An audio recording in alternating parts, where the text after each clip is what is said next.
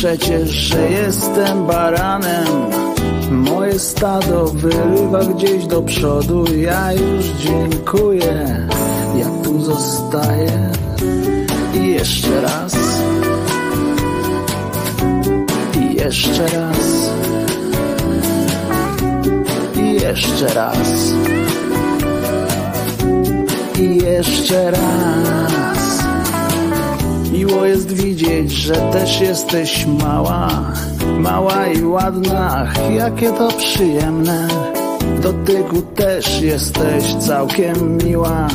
Za sobą drzwi zamykamy na klucz. I jeszcze raz. I jeszcze raz. I jeszcze raz. Jeszcze raz.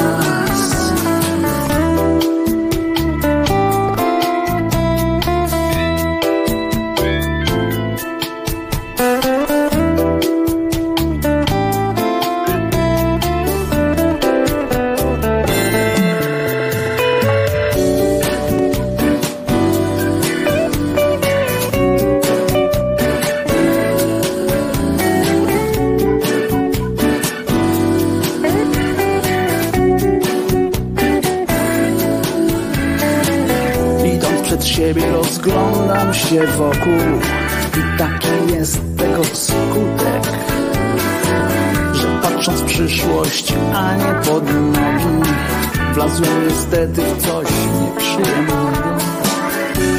I jeszcze raz.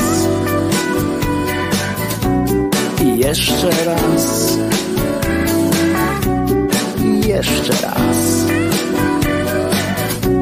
I jeszcze raz.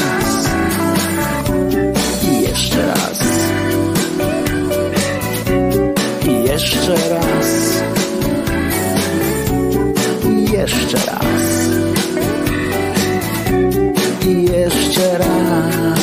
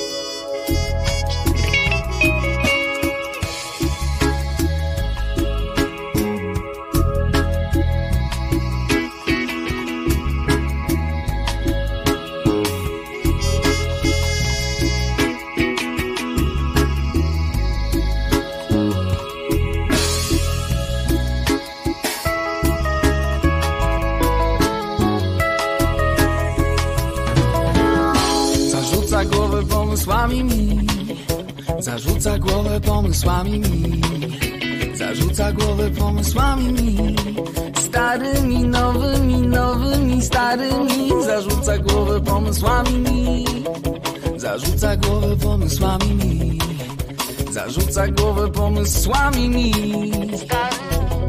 Starymi, nowymi Zarzuca głowę pomysłami. Mi Zarzuca głowę pomysłami. Mi Zarzuca głowę pomysłami. Mi Starymi, nowymi, starymi Zarzuca głowę pomysłami. Mi Zarzuca głowę pomysłami. mi Zarzuca głowę pomysłami. mi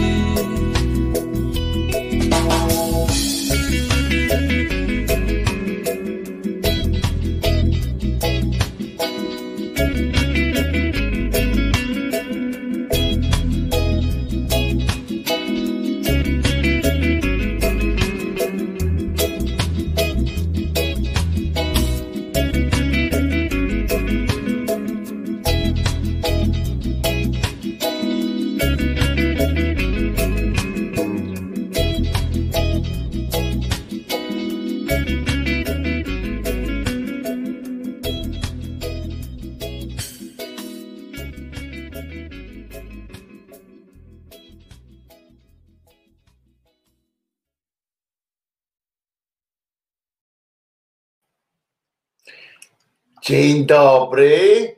Dzień dobry się z wami wszystkimi. Jest Czesio i jest zabawa. Jak jest Czesio, jest zabawa. Tak, Czesio? Jesteś kochany. Dzień dobry. Wojtek Krzyżaniak, głos szczerej słowiańskiej szydery w waszych sercach, uszach, rozumach. To jest on. To jest ten mój przyjaciel. Zawieruszył się przed chwilą gdzieś sobie poszedł. Tak, poszedłem sobie, ale jestem.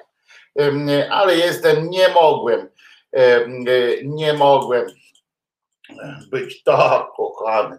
O, jak mnie liże, pies mi mordę liza.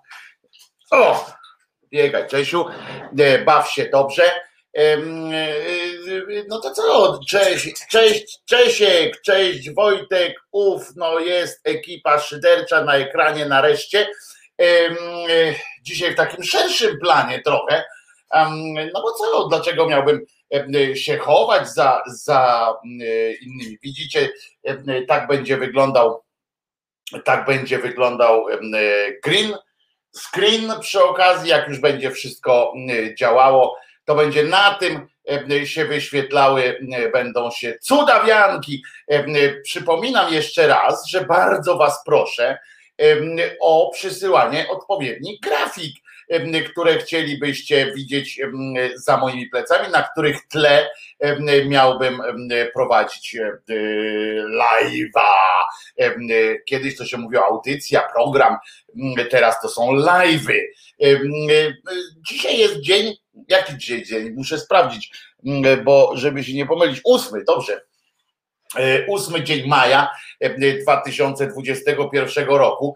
E, e, I oczywiście sobota, więc e, historyczne, historyczne wypasy. E, Kuba, rozumiecie, e, z tych Balearów mm, e, e, do nas tu pisze, czyli jest z nami Baleary Baleara- Balearami, ale wy jesteście e, e, e, najlepszą częścią dnia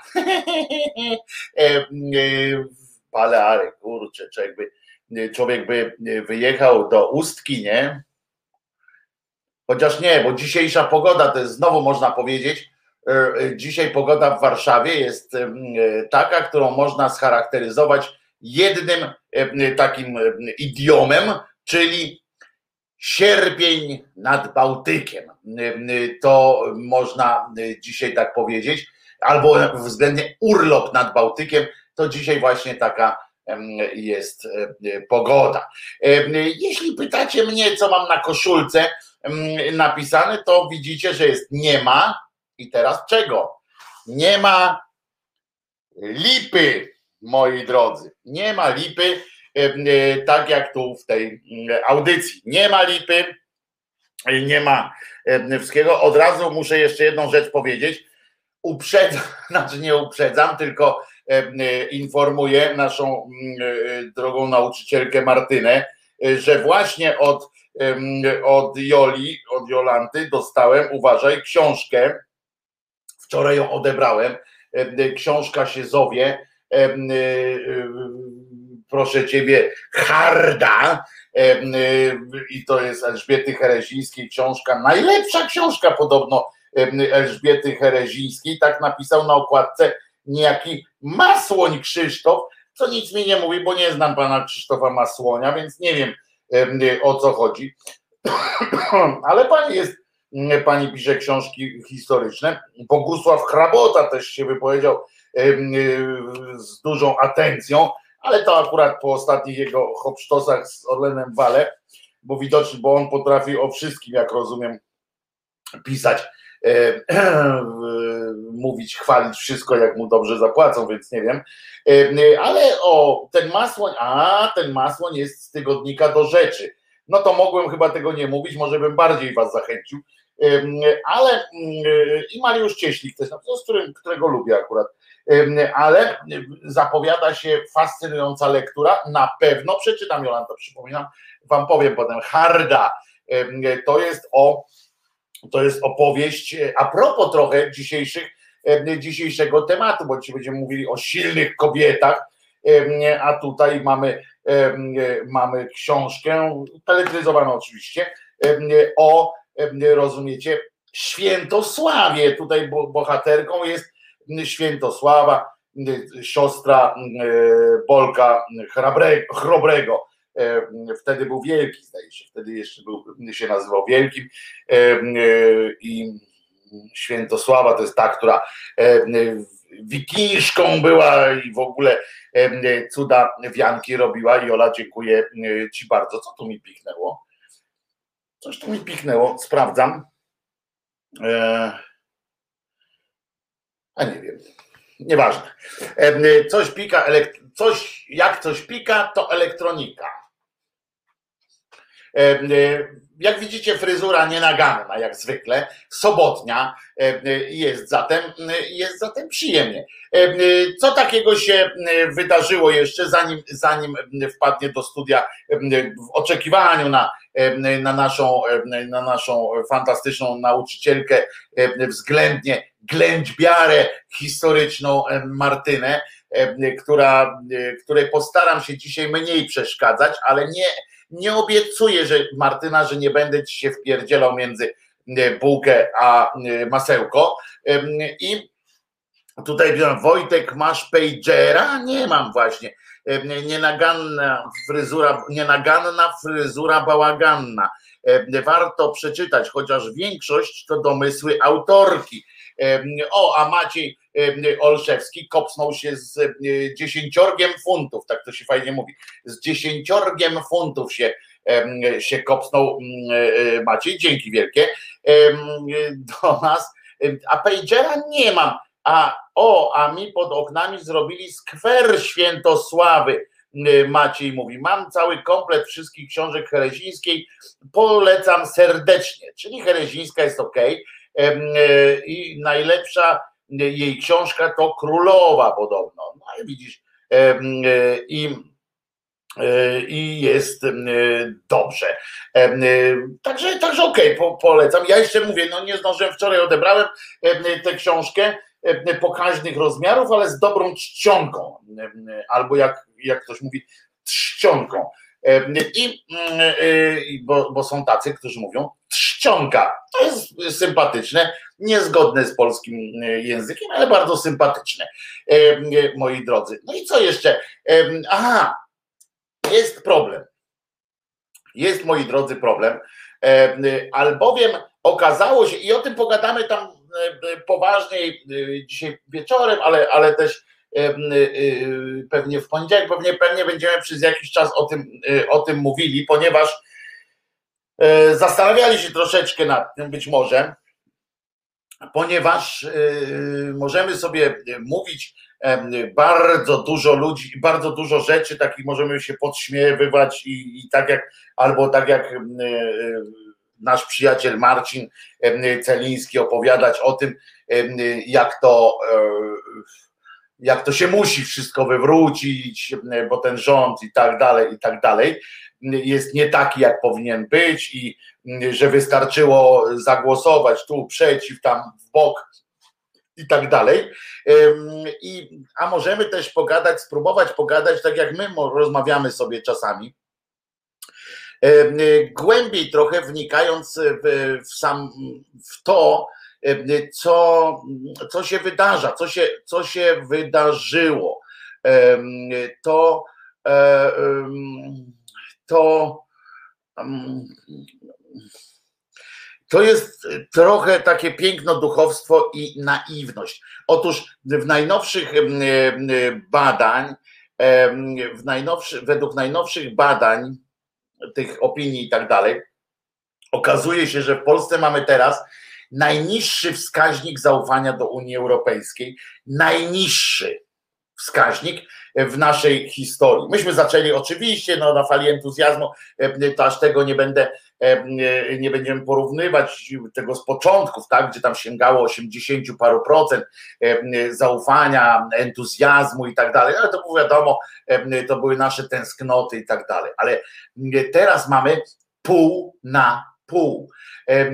Możemy sobie, możemy sobie oczywiście opowiadać, że jesteśmy po słusznej stronie mocy, że po prostu rozwalmy PiS, możemy opowiadać o, o, o robić sobie dobrze po prostu, wskazując na to, jak jesteśmy lepsi od nich i mądrzejsi, a, a oni kurde robią swoje. Możemy opowiadać tam o tym dobrze, a oni robią swoje i, i robią to dobrze i nas po prostu na tym przykładzie, nawet na tym przykładzie widać po prostu jak jesteśmy jak jesteśmy gotowani.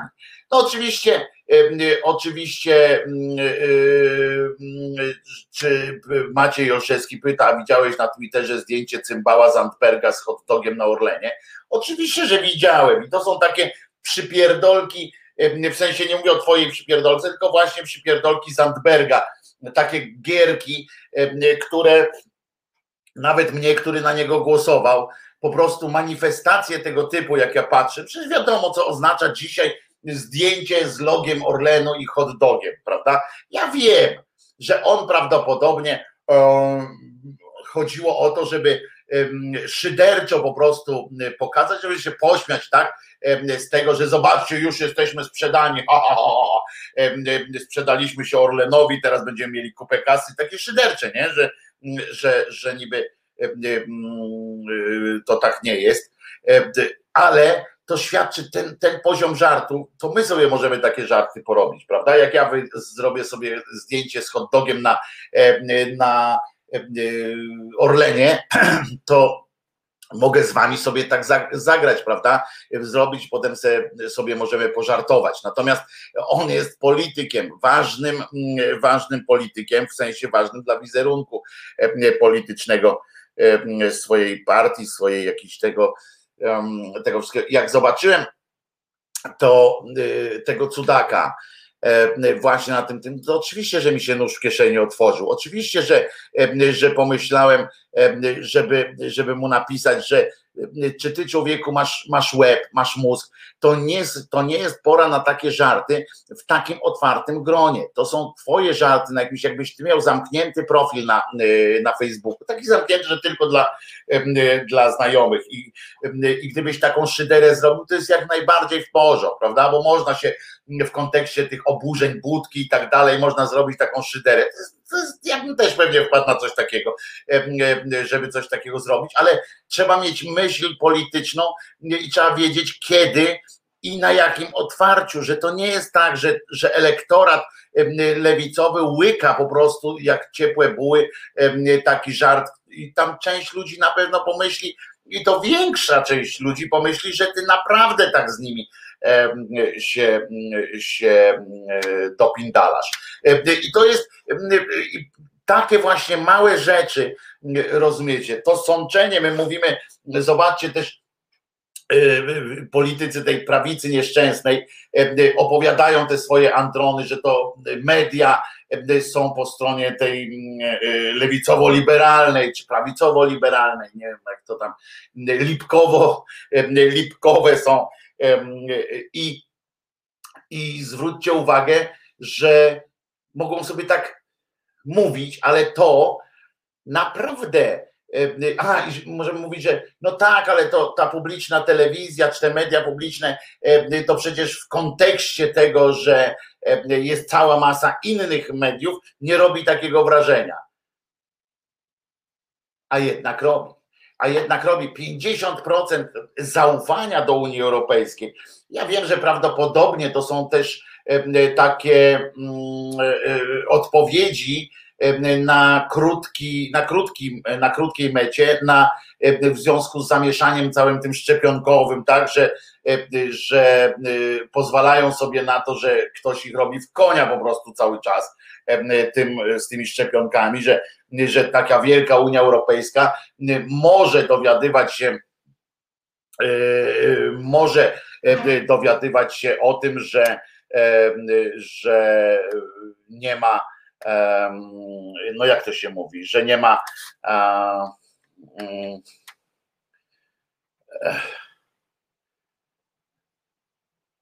że jest alternatywa w ogóle dla Unii Europejskiej. To jest to, co, co my się dowiadujemy o, o tej mm, nieszczęsnej, bardzo nieszczęsnej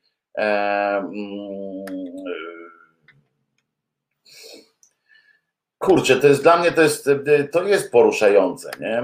E, że żeby było jasne też, żeby było jasne też, nie jesteśmy na jakimś ostatnim miejscu, nie jesteśmy e, jakoś skatowani, ponieważ, ponieważ prawda jest też taka, że w Niemczech, we Francji to, to te wyniki są jeszcze gorsze ale tym się nie powinniśmy przejmować. Znaczy, tym się nie, to, nie, to nie nas dotyczy, tak? To nas nie dotyczy to. Nas dotyczy to, że my z poziomu jakiegoś absurdalnie wysokiego spadamy na pozycję tak zwanych eurorealistów, czy tam jak to się by nazywało. Już nie jesteśmy, Polska należała do krajów eurosceptycznych, e, euroentuzjastycznych. Wojtuś, pamiętaj o linku do Martyny, bo my czekamy na ten ględź, bo oczywiście, że poszedł link do Martyny. Już, już. Hmm. E, chodzi mi o to, że, że nawet w kontekście tych dzisiejszych rozważań historycznych, które będziemy mieli o kobietach, bo dzisiaj będziemy rozmawiali o silnych kobietach, na, czyli takie będzie jakby nasze też e, nasza myśl o tym, co by nas mogło teraz uratować. To zobaczcie, jak, jak to jest. Ja, ja jestem, powiem szczerze, że jestem przybity tymi, tymi informacjami, bo znowu mówię, jak ja słucham tych, tych budków, tego wszystkiego, pełni, oni są pełni pogardy dla, dla wszystkich, natomiast, natomiast nie ma, nie ma w tym jakiejś takiej głębszej, głębszej myśli, głębszej myśli, poczucia sensu, alternatywy po prostu na pracę nad tymi ludźmi. Na pracę nad, nad, nad, i nie chodzi mi o pracę indoktrynacyjną, ale chociaż coś takiego, co by zrównoważyło. My sobie możemy to robić, ale my jesteśmy w ograniczonym, przecież mamy ograniczone zasięgi, mamy, no, jesteśmy ludźmi rozsądnymi, ale, ale fajnie by było, jakby w innych środowiskach też tak zaczęto rozmawiać ze sobą otwarcie, gdyby połączyć, gdyby połączyć tę krytykę wobec, wobec PiSu z jakimś takim rozsądkiem troszeczkę. No dobra, ale Martyna już przyszła do nas, do studia, a zatem tradycyjnie piosenka i zbierać się do klasy. Jedziemy mm, e, klasą. Droga klaso, pamiętajcie, tylko że jak wejdziecie do klasy, jak pani nauczycielka wejdzie do klasy, to musicie powiedzieć churalne dzień dobry. Powtarzamy teraz. Wszyscy razem. Raz, dwa, trzy. Dzień dobry. I to jest, będzie dobrze. Także tuż po piosence, piosenkę mm, e, wrzucimy jakąś radosną, czyli e, e, jeden z moich ulubionych mm, zespołów, jak wiecie, jest to No Limits. Aha, przepraszam, bo ja obiecałem wam, Martyna, jeszcze poczekaj sekundę. Przecież ja wam obiecałem reportaż z planu serialowego. Oto i on. To nie będzie, nie spodziewajcie się tutaj długich wypasów, ponieważ jak dobrze wiecie, są ograniczenia. Ja nie mogę nic pokazać z tego planu. W związku z czym posiłkowałem się czymś takim. Chyba minutę to ten cały reportaż trwa, więc, więc dacie radę, wytrzymacie. Uwaga, emitujemy reportaż z planu serialu Behawiorysta. Autor Krzyżaniak, jednocześnie, który jest gwiazdą tego fantastycznego serialu. Proszę bardzo.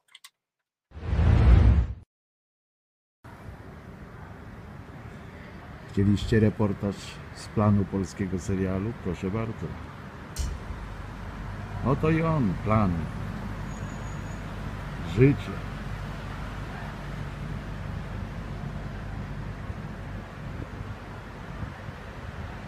I palenie papierosów. Praca na planie to oczekiwanie. Więc tak sobie siedzimy tu kasztan, przyjaciółka popielniczka dyszka dyszka ma ważną rolę tutaj a i druga filiżanka co będziecie robić? Kurwa oni też są tajemniczy ja nie wiem jakieś zakazy cudawianki, a przecież tak tu ładnie jest do stołu dołączyły jeszcze dwie osoby. Zjawiskowa pieczarkowa i pieczony dorsz. Tak się kaszle. Nie. Kasztan debilnicy dostał. No i pojedli. No i pojedliśmy. W dobrym towarzystwie dobrze się je.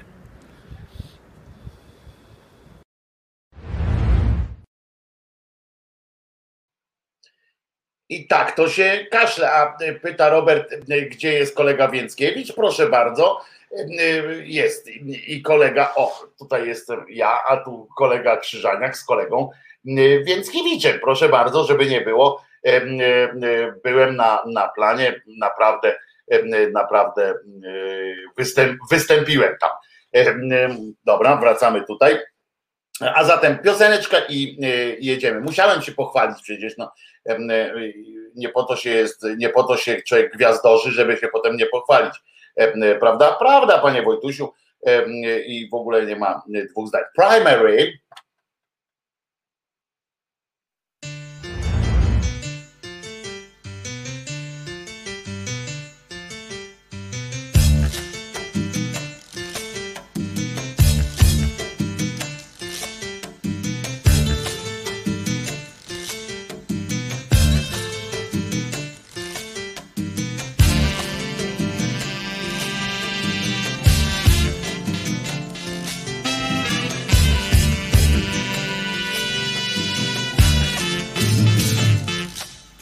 primary.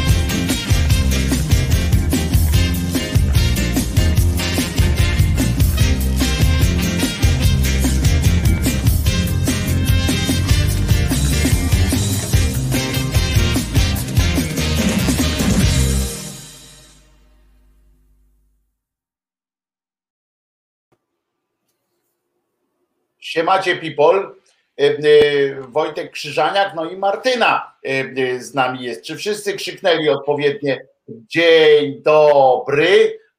Czy było? To ja za was wszystkich powiem. Dzień dobry, Martyno. Dzień dobry dzieci. Dzień dobry, dzieci. Mów głośniej, śmiało. E, e, e, e, Pracowałem w szkole, więc wiem, że jak e, się nie rozetrzesz, to nie ma takiej możliwości, żebyś przekrzyczała e, e, tę e, hałastrę e, e, rozwrzeszczaną. Widzę dzisiaj e, porządek za plecami. E, e, pań- Państwo, którzy tego nie widzą na, e, na, e, na streamie audio, e, informuję, e, że tak jak moja fryzura jest nienaganna, tak dzisiaj e, e, leże, e, które było z tyłu rozbebeszone, dzisiaj jest fantastycznym porządku, poduszeczki. Brakuje tam jednej poduszki, takiej białej, mm, z wizerunkiem owieczka, ale i to się da jakoś ogarnąć. A zatem dzisiejszy temat lekcji to są pani, pani profesor. Silne kobiety na trudne czasy. Władczynie, regentki cesarzowe i wojowniczki w Europie wczesnego średniowiecza. Zabrzmiało tak, że już chce się wyjść. Nie, żartuję. Jak z polskiego filmu, nie? nie to jest dobra, dobra rzecz. Dlaczego, skąd ci najpierw powiedzmy, skąd Ale ci przyszedł do głowy taki temat?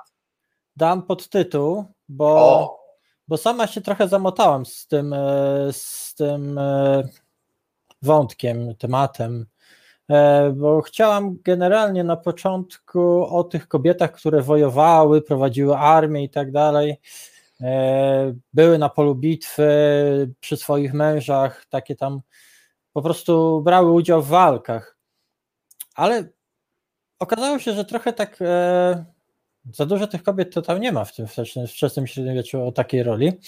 I pomyślałam, że hmm, no to dodamy takie władczynie, które może, może nie walczyły, ale, ale były takimi e, osobami, które odcisnęły swoje piętno, które zapisały się w historii takimi silnymi, silnymi władczyniami. I, I z kolei, jak zacząłem pisać sobie konspekt pod, do tego, e, do, do dzisiejszego programu, no to okazało się, że o, to jest dużo wiadomości, a jeszcze więcej wiadomości do poznania, dlatego postanowiłam podzielić. I dzisiaj będzie część pierwsza, tego, e, tego tematu. Myślę też, że dobrze nam zrobi lekki odpoczynek, dlatego dzisiaj będziemy jeszcze mówili sobie o kobietach e, właśnie we wczesnym średniowieczu, tych silnych władz, władczyniach. E, I ten temat będziemy kontynuować, ale za, za tydzień postanowiłam, że zrobimy sobie przerwę a ponieważ u mnie pogoda jest tragiczna, tutaj nie widać, bo ja sobie zooma odpowiednio ustawiłam, a na krzesłach się suszą torby, jakieś plecaki i tam inne rzeczy, jak wracaliśmy z pracy, to nas trochę zmoczyło. Pogoda jest paskudna, to w przyszłym tygodniu prawdopodobnie wybierzemy się na inny kontynent w związku z inną kulturą, o! ale też tam będzie kobieta. Dobrze, dobrze, no ale teraz y, y, myślisz, że czy, czy taki temat o tych kobietach y, silnych, bo, bo tak je określimy teraz, mocnych właściwie, o, bo to jest lepsze określenie, nie? Bo silne to jest ten, ale mocne są, bo chodzi o to, że one y, potrafiły, bo siła to jest siła, prawda? A, a moc to jest jednak coś, coś więcej. I Myślisz, że e, e, to jest też, to ma jakąś naukę dla nas na, na dzisiejsze czasy, bo takim dałeś na początku właśnie e, tytuł silne kobiety, czy mocne, ja bym wolał, mocne kobiety na trudne czasy. Myślisz, że tak zanim przejdziemy już do tego samego średniowiecza, to myślisz, że teraz też by się przydały kobiety, które by miały załatwić, no za nas, krótko mówiąc, jakieś sprawy? Ja nie wiem, czy załatwić za nas generalnie. Ja nie jestem zwolenniczką tego, żeby zastąpić patriarchat matriarchatem, czy władzę mężczyzn e, kobietami. E, bo według mnie samej, jak patrzę na politykę ostatnich kilkudziesięciu lat, e, to kobiety, które zazwyczaj dochodziły do władzy, przynajmniej w, w krajach rozwiniętych, no to one niespecjalnie różniły się od mężczyzn pod względem charakteru a rzekłabym, że czasami to ich e, władza nawet, jak dla mnie osobiście, no była wręcz bardziej taka bezwzględna, e, pozbawiona empatii i tego typu spraw. To dlatego ja bym raczej chciała silne kobiety, którzy, które z rozgarniętymi facetami zaczną sprzątać ten burdel, który, który najwyższy czas e, wziąć i zacząć zacząć się uprzątać, żeby przyszłym pokoleniom zapewnić jaką, jakąkolwiek przyszłość. Mhm. Także myślę, że silne kobiety są potrzebne, aby, aby one już, kobiety, e, jak gdyby wyrąbały sobie, sobie to, to miejsce na świecie i idą do przodu, ale właśnie są potrzebne te silne, które które poprowadzą zarówno kobiety, jak i mężczyzn właśnie ku lepszej przyszłości. I, i to muszą być kobiety naprawdę właśnie ogarnięte, e, charyzmatyczne, sprawcze, mające pomysł przede wszystkim. To jest, to jest, to jest ten, e, ten problem. Pomysł, pomysł na, na, na przyszłość, pomysł na świat. I myślisz, i o takich będziemy Powiedz- rozmawiali właśnie dzisiaj? E, Te, które wybrałaś, te, które wybrałaś, powiedz mi tak, y, oczywiście z całym tam y, Ja- różnicą i tak dalej. Ja one, powiem ci tak, Mhm. powiem ci tak, powiem ci jaki dałam po, jak gdyby podtytuł dla pierwszej części. E, Mhm. To będą trzy władczynie Italii, uczona, nierządnica i święta. Aha, I to będą właśnie kobiety, które, które przeszły do historii, znane właśnie z takich postaw. mhm, mhm. Mo, a, a czy my potrzebujemy takich kobiet? Ja myślę, że potrzebujemy takiej dobrej mieszanki tych cech. Bo To zawsze jest, wiesz, Martyna, to jest zawsze tak, nie? Że jak my o kimś pomyślimy sobie, że chcielibyśmy takiego, czy takiego, czy śmakiego władcę, czy, czy, czy nauczyciela w szkole, czy kogoś, nie? To zawsze sobie myślimy, o, ten by był fajny, ale gdyby miał jeszcze dodatkowo cechę taką od kogoś innego, nie? To zawsze jest ten najlepszy, nie, to jest nie, jednak nie, nie. Może wiesz, składany. Znaczy, ja nie wiem, jak, e, jak ty uważasz, ale ja, ja powiem ci, je, gdy czytam o tych królach i tak dalej, to dobry władca wcale nie musiał być dobrym człowiekiem, a dobry człowiek nie musiał być z kolei dobrym władcą, jak się okazywało. I czasami w tamtych tych trudnych czasach to, to, to zdawało egzamin. Czy zdałoby teraz? No, ja nie jestem, ja nie jestem analitykiem tym politycznym, nie wiesz, mnie, Mhm. nie, za- mnie nie zaproszą do resetu czy, czy tak dalej. E, Pani Martyno, co tam pani sądzi o rządach Bidena, bo tutaj tego on powiedział i w tym stylu. No, co ja mogę sądzić? No mogę sądzić, ale, ale, ale to, to, to jest tylko moje takie, takie, takie sądy do, do, domorosłe, no a ja się tam nie znam aż tak bardzo na tej geopolityce myślę, że- takich sprawach, że-. Ja myślę, że wiesz co, y, y, y, oczywiście, że to jest nie do przeniesienia na dzisiejsze czasy, choćby pod tym względem, że dzisiaj nie jesteśmy skłonni y, do takiego poddaństwa, tak? W tym sensie, że nie, nigdy już, prawda, no, no jeszcze przez jakiś czas w każdym razie do przesilenia jakiegoś, y, nie, nie będzie, nie, do, nie nastąpi coś takiego, że, że y, będziemy realizowali wizję czyjąś, tak? Tak do końca. To tak mi się wydaje, ale nie, nie wnikajmy w to. Natomiast po, zaczynajmy, co to będą za święte, co to będą za bo jak ta święta mnie oczywiście wiesz, z mojego, y, z moje zboczenie trochę in- intelektualne No, E, nakazuje mi się od razu e, e, rozgrzać paluszki, jak słyszę o, e, o świętej, e, to już, już na pewno znam, na pewno wiem, e, e, jakiego miała haluna, e, względnie jakiegoś tam, na czym zasadza się jej świętość, e, e, bo zwłaszcza te średniowieczne święte, uwielbiam je po prostu, e, są, e, są w ogóle święci średniowieczni, to jedno, co trzeba przyznać, tak, jak się mówi o, e, o e, jak się chcę mówić, to też dla was wszystkich, jak się chce mówić o jakimś takim mm, e, e, mrokach średniowiecza i się uważa ten mrok jako taki rodzaj e, e, pewnego e, ogłupienia, no to akurat w kwestii świętych e, to faktycznie mm, e, działa, tak, że, że e, tam się ich e, natworzyło trochę i właśnie na takiej właśnie bardzo e, tępej podstawie, takich, takich, e, takich tępych argumentów, e, e, ale to dotyczy samych świętych, więc ja ci się tu na pewno wtrącę, jak zaczniemy, jak przejdziemy No. do Pani Świętej, to nie omieszkam ci się wtrącić, ale ja widziałem już po zdjęciach, więc wiem o kim e, e, będziemy rozmawiali, bo Martyna e, e, przysłała oczywiście mm, e, zdjęcia e, e, tych, e, e, tych e, pań. Cię przestawiłem tutaj na drugą stronę, żeby, żeby móc wpuszczać te zdjęcia po właściwej stronie ekranu. A zatem, no, od której zaczynamy? Bo będzie jedno, No, jedno znaczy, słuchajcie, jedno zdjęcie będzie świńskie. ja liczę, ja liczę w ogóle na, na to, że się będziesz udzielał, no bo a zwa, myślę, że przy nierządnicy też będzie się mocno udzi- udzielał. Poczytałem sobie o niej, tak, Tak, przypomniałem tak. sobie panią, e, e, bo znałem ją wcześniej, ale nie wiedziałem. e, Także, nie- nie- także tutaj też będzie się na pewno udzielał, ale zaczniemy od tej najbardziej takiej chyba spokojnej i najbardziej tragicznej, mi się wydaje, czyli od uczonej e, e, Amalasunty. Amalasunta wyglądała tak. Tak, to, to prawdopodobnie jest Amalasunta, ale to może być też cesarzowa Ariadna. Do końca nie wiadomo, ale akurat takie po, po piersie znaleziono i jest jedno z przypuszczeń, że to jest Amalasunta. E, Księżniczka gocka, żona Teodoryka, e, nie żona, przepraszam, e, córka króla Ostrogotów, Teodoryka Wielkiego i żona też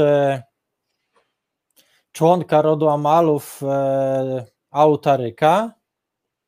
I to jest ważne. Zapamiętajcie tych Amalów, bo Amalowie e, to byli e, dzięki to, to, to, to byli założyciele e, gockiego rodu panującego, jak gdyby e, takiej rodziny i dzięki Amalom, jej historii, znamy pierwszego króla na e, ziemiach polskich, jaki się objawił.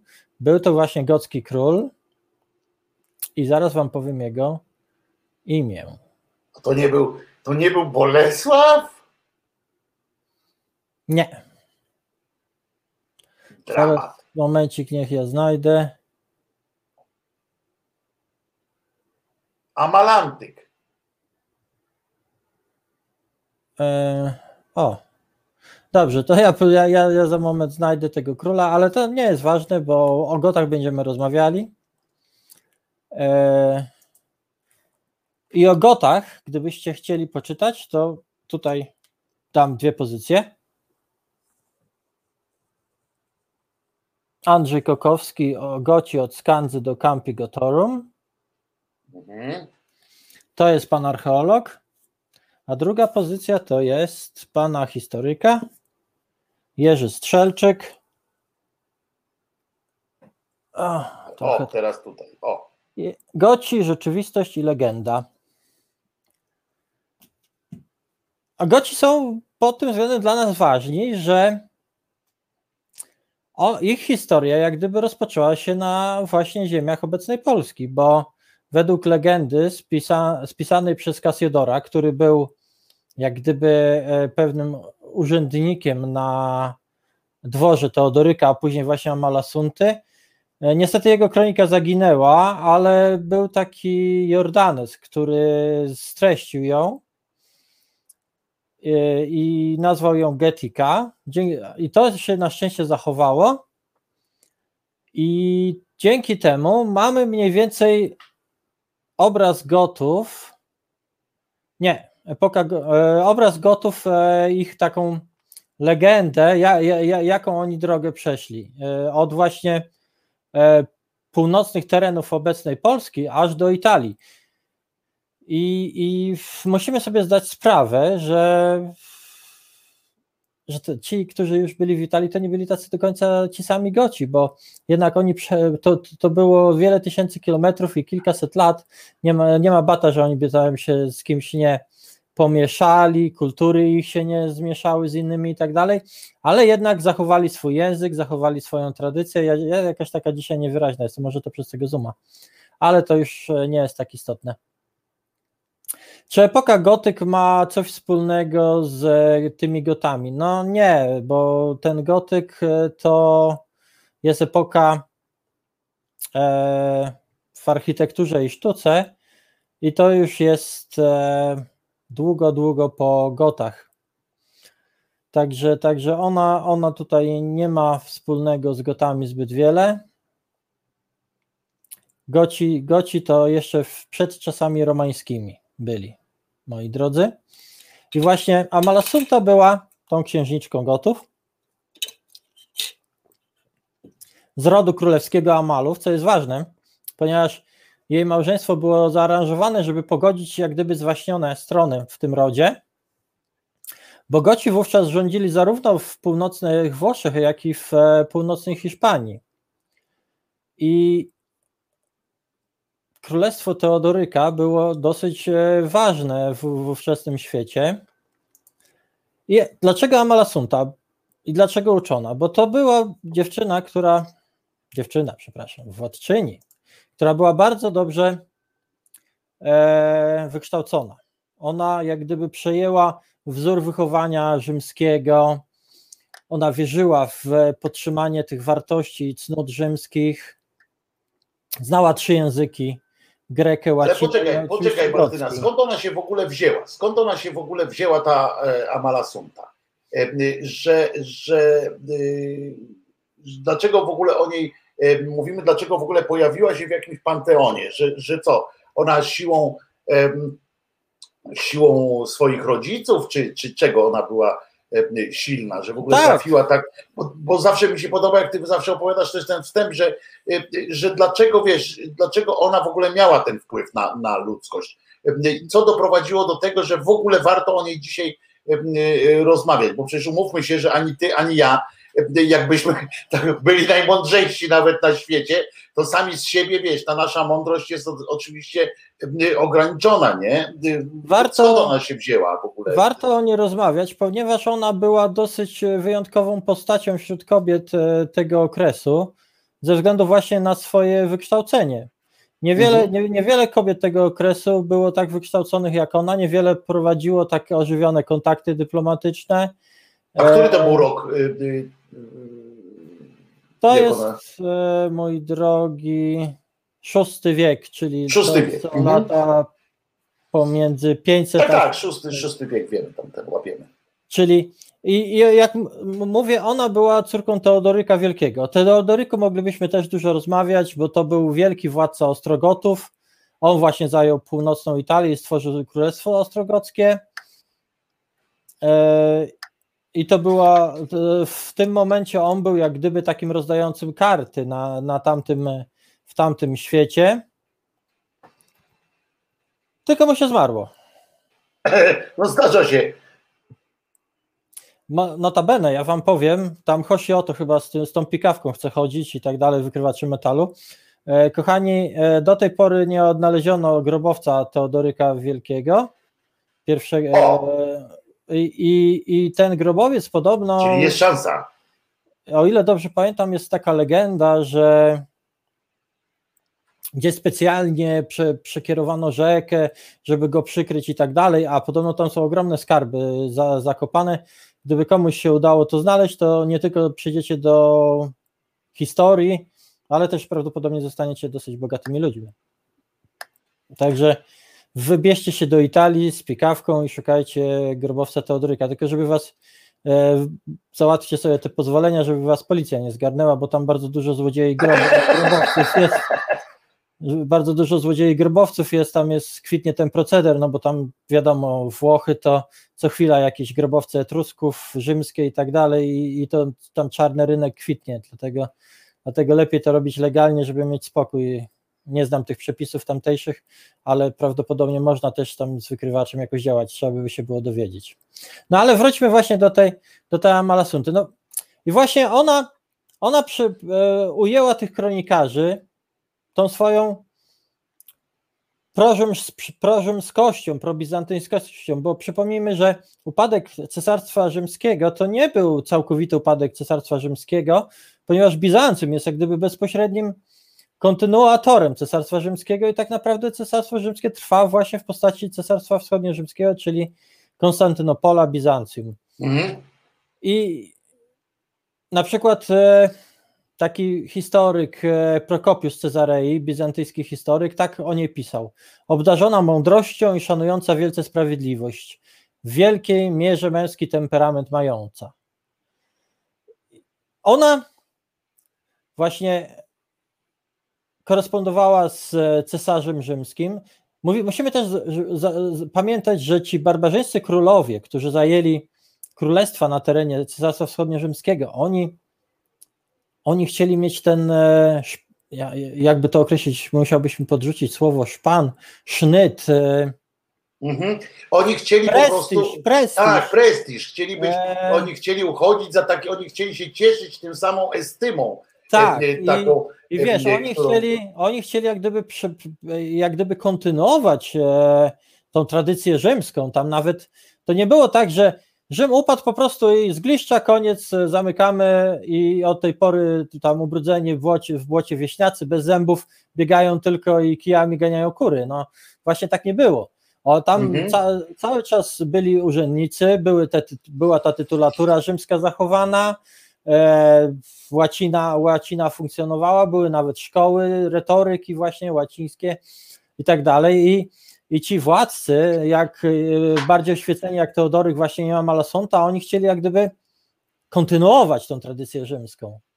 To, to, to, to bo im się to spodobało, bo im to imponowało po prostu. To, to ja, ja, ja, bym powiedziała, że to, to mi trochę przypomina dzisiejsze czasy, jak my wchodzimy do jak gdyby Unii Europejskiej, chce, chcemy do tej cywilizacji, prawda? prawda? Wiesz? Tak. O, my tutaj też jesteśmy na zachodzie, prawda, i tak dalej. E, ponieważ gdy jeszcze trwało Cesarstwo Rzymskie, a ci, a ci barbarzyńcy byli jak gdyby za limesem rzymskim, czyli tą granicą, gdzie stały legiony i ich nie wpuszczały, no to oni bardzo chcieli właśnie, oni chcieli do cesarstwa, bo, bo oni handlowali z cesarstwem, widzieli te wszystkie cuda, e, w grobowcach ich elity można, można właśnie znaleźć e, importy rzymskie, czyli wyroby pochodzące mhm. z cesarstwa i na przykład na te wyroby nie byłoby byle kogo stać. No to, to, to jak wiadomo, jak znajdziemy na terenie Polski jakąś na przykład szklaną rybę, o widzisz, zapomniałem, e, jak będziemy o gotach, to, to poszukam szklaną rybę dmuchaną, taką, normalnie wiesz, wygląda jakbyś z PRL-u z jakiegoś e, kredensu wyciągnął, e, tak mniej więcej ta ryba wygląda, to jest z czasów rzymskich, wykonana ze szkła, co było technologią niedostępną barbarzyńcom, no to wiemy już, że to nie mógł być grup, wiesz, byle kogo, bo byle kto nie dostał i nie, nie stać by było tej osoby na posiadanie tego typu rzeczy. I, on, I, oni bardzo chcieli właśnie, oni stali tam na tym limesie rzymskim i Rzymianie im nadali taki tytuł federati, jak gdyby, mhm. że przy, przy przyjaciele e, Rzymu. Rzymowi też to się opłacało. To, to tak jak my na przykład e, w Unii Europejskiej teraz mamy takie kraje e, aspirujące do Unii. One się nazywają stowarzyszone. To się, to się nazywa tak, stowarzyszone. stowarzyszone. Właśnie. I, i, i tam tak ci federaci, federacji, oni też, oni nie mieli tego statusu stowarzyszone, ale to byli jak gdyby przyjaciele Rzymu, oni, oni właśnie e, zyskiwali na, na tym, że handlowali z Rzymem, byli takimi pośrednikami. Oni dostawali, dostawali oczywiście, to się wtedy wiązało, dostawali, tak. dostawali, dostawali, ale dostawali też ulgi podatkowe, e, nazwijmy to w ten sposób wszystko, bo e, Unia Celna następowała, tego typu rzeczy, które które my dzisiaj mm, e, uważamy za wymysł naszych czasów, e, na przykład e, strefa wolnego handlu i tak dalej, jak tam tworzy się, kiedyś się tworzyło tamte wspólnoty gospodarcze, węgla i stali na przykład, z której wyszła Unia Europejska, to to wtedy już właśnie Rzym to zdaje się z tego co pamiętam, znaczy to jeszcze w Afryce też były takie, y, takie ruchy, ale Rzym generalnie w Europie to wprowadził właśnie status państw stowarzyszonych, status, status tych, jak się to nazywa, właśnie Unia Celna, wolne strefy wolnego handlu i tak dalej. I tym zyskiwał zresztą, obudowywał sobie, bo to było polityczne, bardzo mądre polityczne działanie, E, dbające o to, żeby wokół, żeby być otoczonym państwami, jeśli nie e, częścią swojego, swojego imperium, to państwami, które były które miały żywotny interes w bronieniu naszej, naszej wolności, tak? bo, bo, bo oni odnosili bardzo dobre efekty gospodarcze e, i tak dalej, a a, a, a brali na siebie ewentualnie impet wroga, prawda? Bo to jest też dosyć istotne. Tej, tak, to, to właśnie, właśnie. To był geniusz, geniusz rzymskiej, e... rzymskiego podejścia do, do zdobywania świata. Właśnie ci federati, te plemiona, no to stanowiły taki bufor pomiędzy Rzymem a tymi plemionami dalszymi. I, I Rzymianie właśnie na przykład opłacali ich, dawali im jakieś pieniądze. Tamci oczywiście mieli pazernych władców, bo, bo to zawsze władcy są pazerni i chcieli więcej, i więcej ładnych przedmiotów, i więcej. No, a przede wszystkim musimy zdać sobie sprawę, że życie było trudne wtedy i klęski głodu to nie należały do rzadkości, czy, czyli na przykład goccy, królowie, dla nich najważniejsze było zapewnić zboże, żywność dla swoich ludzi, no a jak już to zapewnili, no to wtedy wiadomo, chcieli mieć z tego też profity i właśnie móc się pochować na przykład z jakimiś, na przykład szklaną rybą, czy jakimiś e, wazami rzymskimi i tego typu sprawami, ceramiką, czy, czy, czy, czy innymi wyrobami. No, a Rzymianie wykorzystywali to, bo handlowali z nimi, e, w, mieli właśnie wyznaczone punkty do tego handlu, gdzie ci federati mogli, mogli właśnie handlować. Ci federati to też nie byli tacy w, e, takie potulne baranki, bo, bo oni tam potrafili, wiesz, wpaść e, za granicę, zrabować ten, nabrać jeńców, czy, czy, czy złupić tam coś no to wtedy Rzymianie z kolei wpadali za granicę do nich, robili im kipisz, wycinali na przykład pół, pół plemienia i, i znowu był spokój na jakiś czas, znowu dobre stosunki, handel i tak dalej, i tak dalej. I to się, i trwa, to trwało tam te kilkaset lat. Eee, no, Martyno, ale... Martyno, wybaczysz mi chwilę na w trend dotyczący y, czatu, czy, czy, czy nie? Nie, no spoko. E, e, chciałem się odezwać do Santin Six, która tutaj wypisuje różne rzeczy, nie, słabe po pierwsze, po, a potem piszesz na końcu, jak cię tutaj słuchacze zrypali trochę, to napisałaś szydzić to my, ale nie z nas, to się uśmiałam. Sentient, to nie jest szydera, to co, to co ty robisz to jest po prostu zwykłe, zwykła hamowa taka, wieś, no to, to, to kwestia szydery, to my tutaj nikt nie ma żadnych wątpliwości, najmniejszych, że w naszej, w naszym, w naszej społeczności można powiedzieć o Martynie, że jest brzydka na przykład, jeżeli tak uznajesz.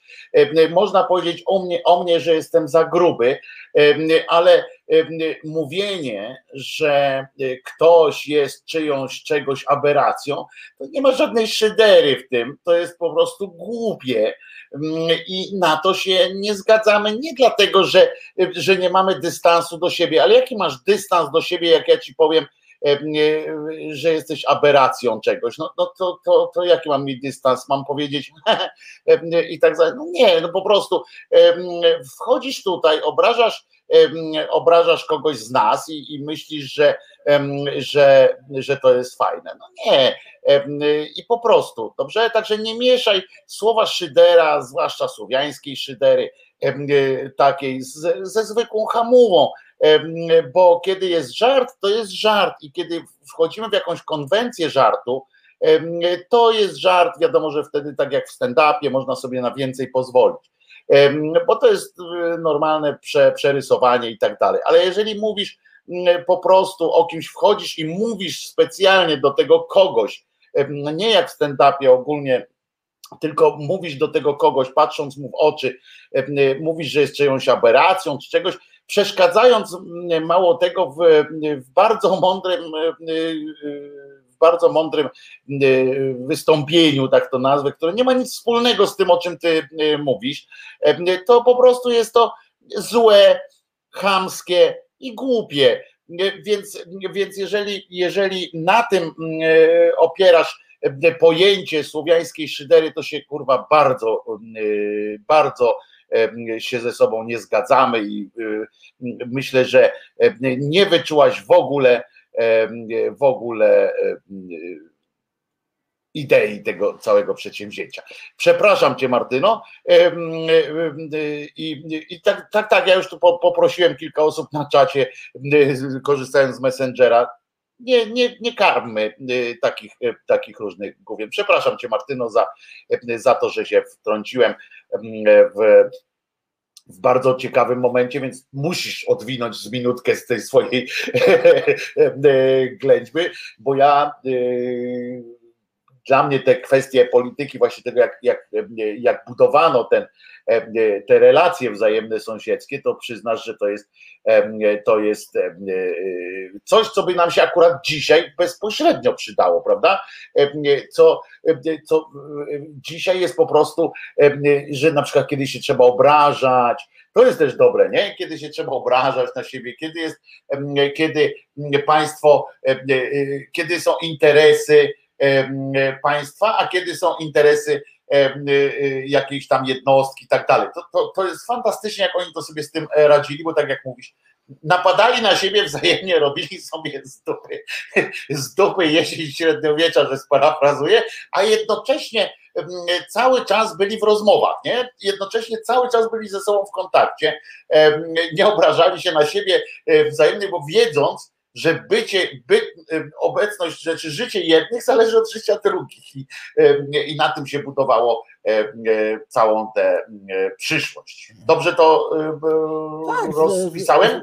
Zdecydowanie. No, no, Rzymianie tą politykę prowadzili bardzo, bardzo rozległą. Później te, taką politykę prowadziło Bizancjum. Te kontakty były naprawdę e, żywe, e, podtrzymywane i to na przykład e, My mówimy, że na przykład o ziemiach polskich e, przed Galem Anonimem, czy tam przed, przed, przed, przed Titmarem, to mamy prahistorię, bo praktycznie nie ma źródeł, ale to nie jest tak do końca, bo Rzymianie tutaj wysyłali tych swoich kupców, a przy okazji szpicli, e, którzy oni bardzo dobrze wiedzieli, jakie plemiona tutaj mieszkają, jakie stosunki między nimi panują, ponieważ musieli to wiedzieć, po, ponieważ każde mocarstwo musi mieć odpowiedni wywiad i rozeznanie w sytuacji ge, geopolitycznej, która ich otacza. I stąd, i stąd e, wiemy mniej więcej dzięki, dzięki na przykład właśnie Tacytowi i jego Germanii, jakie plemiona, gdzie mniej więcej mogły mieszkać, chociaż tu jest wiele też kontrowersji, bo część się spierają, ale, ale właśnie, to, właśnie to tak wyglądało. No. I też, e, te, też ta, te kontakty były, jak mówisz, e, ci pośrednicy najbliżej granicy, oni mm. pośredniczyli z tymi plemionami dalszymi. Te plemiona dalsze były zazdrosne i napierały na tych, na tych pośredników, jak gdyby wtłaczając ich w, też w, w, imperium, co rodziło konflikty z Rzymem. Stąd, stąd właśnie są, są, są te okresy walk, e, te, te okresy później wędrówki tych plemion. Duże zmiany społeczne zachodzące w nich, no bo ludzie się spotykają z tą nową cywilizacją, zaczynają poznawać no, no, no nowe rzeczy, nowe cuda. Technologie, technologia. Tak, te, technologie i chcą więcej, no bo, no bo każdy za, zazwyczaj chce więcej. Mało tego, Rzymianie mieli też taką politykę, że od tych federati na przykład, jeżeli e, tam byli jacyś wodzowie czy królowie, to brali e, w jak gdyby jako zakładników ich dzieci.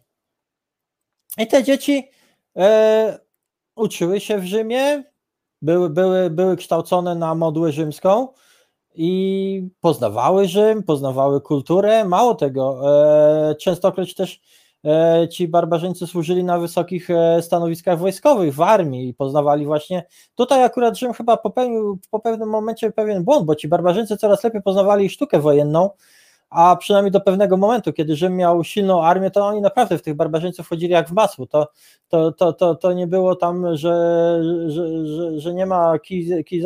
Oni po prostu, jeżeli tylko mieli odpowiednie siły, to naprawdę ta zdyscyplinowana machina wojenna rzymska e, radziła sobie, radziła sobie z tymi barbarzyńcami w lasach bez, bez większego problemu.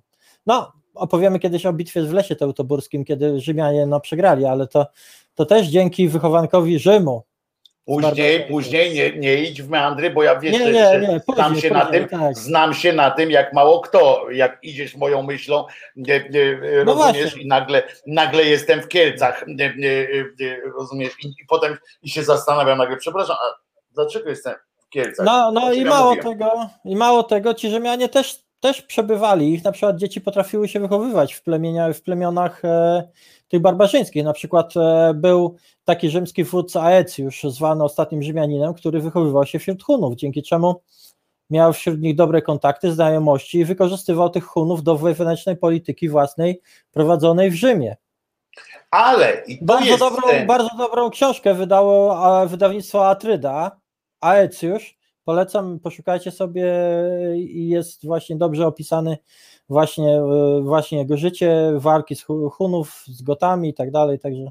A tu jest trend, który z kolei e, e, dobrze też pasuje do naszych czasów, do każdych zresztą czasów, ale do naszych, bo, bo nawiązujemy jakoś do tych, tych teraz. Chodzi o to, że czasami obywatele rzymscy, ci tacy nawet znaczniejsi, tak jak mówisz, współpracowali, fascynowali się kulturą i mocą tych, tych barbarzyńców, na, na, nazwijmy ich najszerzej, i oni w nich upatrywali, tak jak teraz czasami jest, mówią, mówią dlaczego ludzie idą do w islam, bo szukają jakichś takich jasnych wskazówek odrodzenia moralnego, etycznego.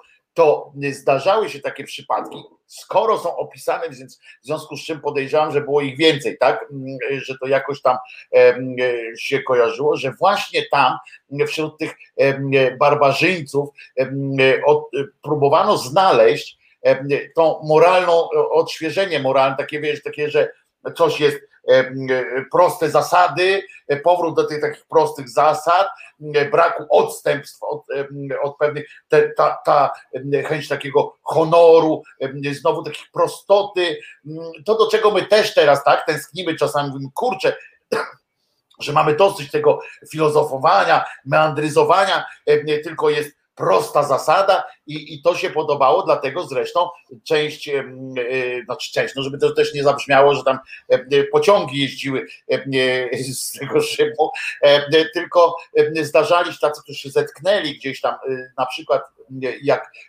jako niewolnik trafiał barbarzyńca do, do Rzymu, to stawał się też rodzajem idola dla, dla młodzieży, dla E, e, takich sytuacji. To tak, to taki trend, bo to nie, tylko pamiętajcie, to nie było tak, że pociągi jeździły i że tak było, tylko że chodzi o to, że też była już wtedy taka tęsknota, tak, tej bardziej takiej niby cywilizacji, takiej do prostoty, takiej, że powrót do korzenia, nie? E, coś się takiego wydarzało i dlatego, dlatego też chyba tyle źródeł jest o tych, również o tych wodzach germańskich i tak dalej, kiedy bo, bo pisano o nich zawsze tam, ja tam dostrzegałem zawsze taki rodzaj fascynacji, nie? E, że to są jacyś tacy e, ludzie godni tego, żeby o nich właśnie pisać takie, jakieś pieśni. No to Tacyt właśnie był takim germanofilem. Mówiliśmy o tym w poprzednim, w tak, poprzedniej tak. rozmowie, właśnie, że on widział w Germanach takie odnowienie moralne. To, e, zresztą, tak jak wspomniałeś, to właśnie ta pierwotna siła, taka prawda, no. ta czystość, szlachetność barbarzyńska, ten też syndrom takie tak, tak, nie, nie, prawda? Takie do, tak, do, tak, nie, nie. To też jest coś takiego, jak e, później w średniowieczu i później jeszcze się objawia jako symbol dobrego barbarzyńcy, że oni są tacy prawi, e, właśnie tak jak mówisz, czarno-biały świat, według zasad żyją i tak dalej, a, a tutaj upadające imperium, zgnilizna moralna. Zresztą, no, będąc w Rzymie, tam życie musiało być dosyć e, ciężkie, a, a momentami przytłaczające pewnie, bo, bo te intrygi, też tam mordy, różne, różne właśnie pułapki, które czyhały ludzi takich troszeczkę lepiej sytuowanych, arystokratów, e, ta, ta, te, te właśnie intrygi polityczne, no, no, dla niektórych musiały być, myślę, myślę trudne do, do, do akceptacji, podczas gdy tutaj mieli takie, taką wizję takiego właśnie prostego, fajnego życia. To tak jak my dzisiaj właśnie, tak jak wspomniałeś, no ta upadająca Unia Europejska, tęczowa zaraza ich tam odgry, podgryza, a tutaj wiesz, zdrowe chłopy, polskie dziewuchy. Dokładnie, a tu, a tu w Moskwie, w Moskwie tak. jasne zasady są.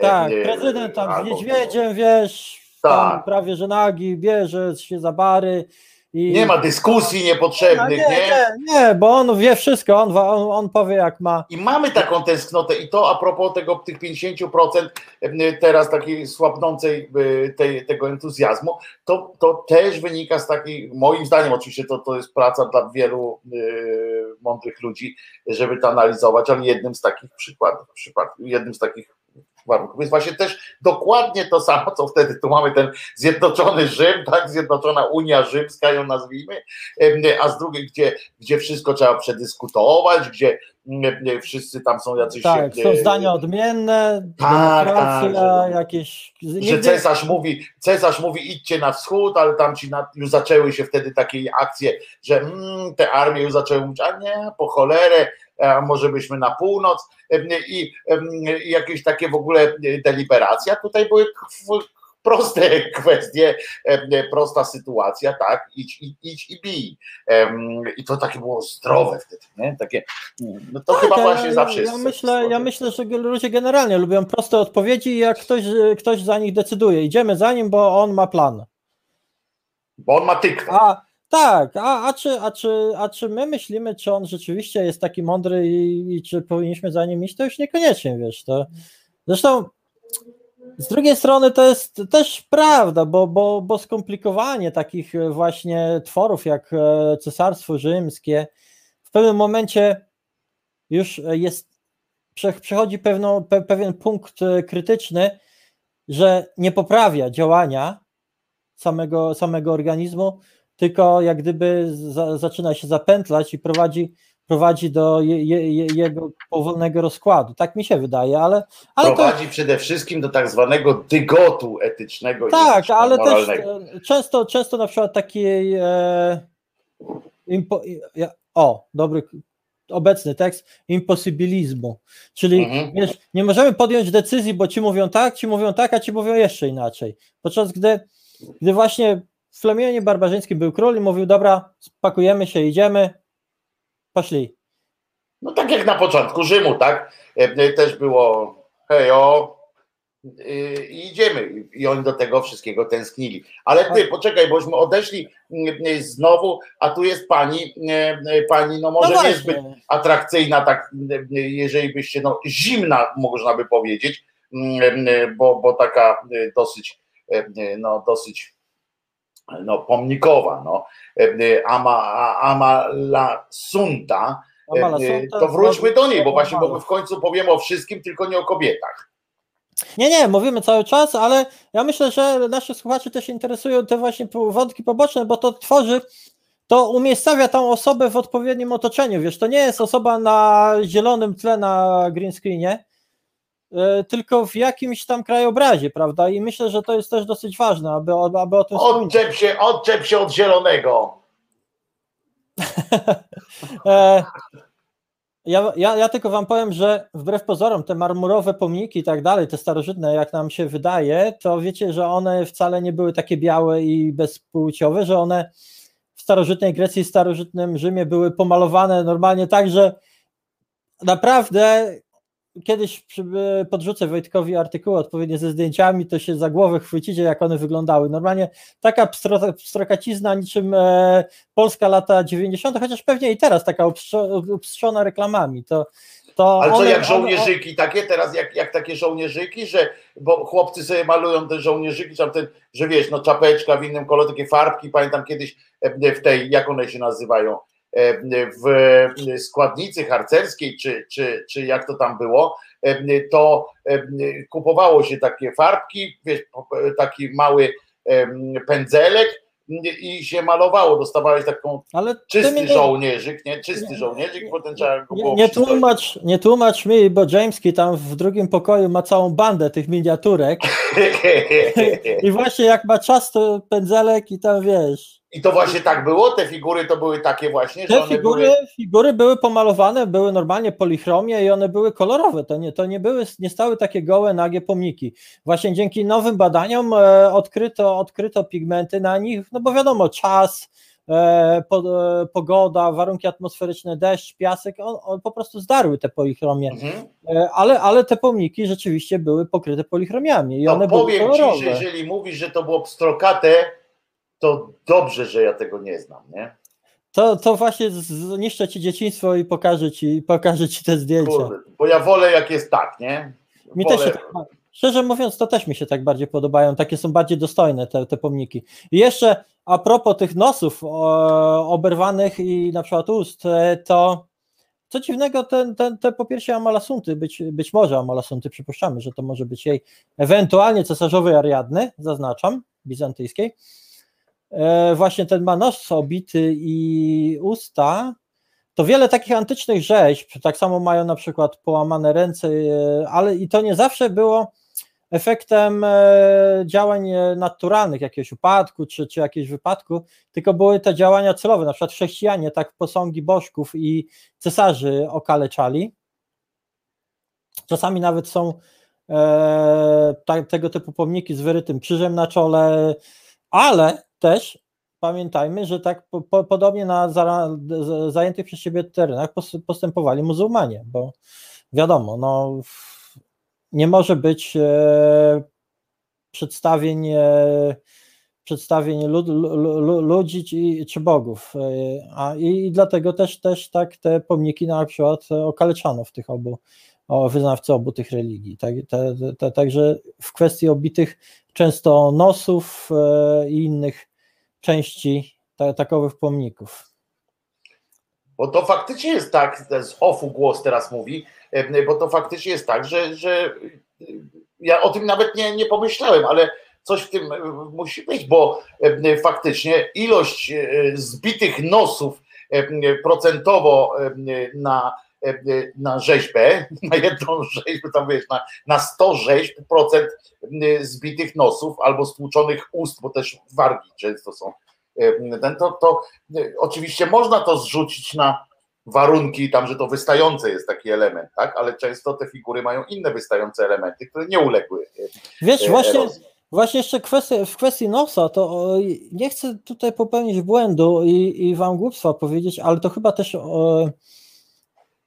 ci chrześcijanie wierzyli, że tam chyba w tych pomnikach są demony i właśnie jak im się utrąci nos, to one nie mogą oddychać i giną, coś, coś w tym stylu. A ja to sprawdzę jeszcze, jak będziemy może kiedyś o, o tym rozmawiać, ale to właśnie... To ja, to ja to natychmiast to sprawdzę od razu, bo, bo wiesz, że taka kwestia, jak, jak chrześcijanie uważali, że nosy e, e, są ten, to już jestem e, podkręcony, nie? Także od razu jak zakończymy dzisiaj audycję, to ja wiesz, no wnikam w to, bo to to jest mój, to, no, to nie, to aż będę, będzie mi przykro, że o tym nie wiedziałem po prostu. No. No, to, to, to koniecznie sprawdź o obite nosy starożytnych e, rzeźb i, i, czy się to nie wiązało z demonami, które przez ten nos mogą oddychać. Ale wracając do Amalasunty, właśnie i Amalasunta i jej ojciec byli takimi władcami, e, którzy jak gdyby zafascynowani tym Rzymem chcieli chcieli jak gdyby kontynuacji tego, oczywiście pod swoim, pod swoim zwierzchnictwem już. E, stąd nawet e, czasy Teodoryka są na, nazywane takim jak gdyby rzymskim renesansem, bo, bo naprawdę Rzym, pamiętajmy, Goci tam zajęli tę, tą północną Italię, czy, czy, czy, czy, część tam e, sporą tej Italii, ale tam nadal żyli Rzymianie i, i te, te dwie nacje musiały jakoś ze sobą współgrać. Tutaj właśnie ci barbarzyńcy, którzy już do końca nie byli takimi barbarzyńcami, no bo przecież oni mieli, e, jak e, wspominam, e, wieloletnie kontakty, ale jednak wciąż odstawali od Rzymian. Mało tego, oni odstawali swoją wiarą, bo chociaż oni już w większości zdecydowanej przeszli na chrześcijaństwo, to Rzymianie byli katolikami, a Goci byli Arianami. Od Ariusza biskupa bodajże Aleksandrii, tutaj głowy nie dam, ale to schizma Ariusza, to można sobie znaleźć. I właśnie i to też rodziło konflikty, konflikty między nimi na tle religijnym. Na przykład właśnie Mosza Malasunty, e, Autaryk, który miał, ich małżeństwo, jak wspomniałam, miało, miało połączyć e, właśnie te jak gdyby rody, a, e, zwaśnione gałęzie rodu Amalów, on miał, on miał właśnie problemy z tego powodu, że katolicy, Rzymianie, e, tam w pewnym momencie oskarżali go o sprzyjanie Żydom, bo Arianie, Arianie nie, nie mieli z Żydami takich problemów, jak mieli katolicy. Tam się rozeszło o pewną synagogę i tak dalej. Arianie stanęli po stronie jak gdyby Żydów, e, katolicy przeciwko nim i, i tutaj on jako taki namiestnik e, Teodoryka miał pewne rzeczy rozsądzić, a, a, a też był jako Arianin być, być może dosyć taki antykatolicki w, swo, w swoich e, zamierzeniach. I zresztą nadmieńmy, że większość tych barbarzyńskich, e, barbarzyńskich plemion to byli właśnie Ari, Arianie.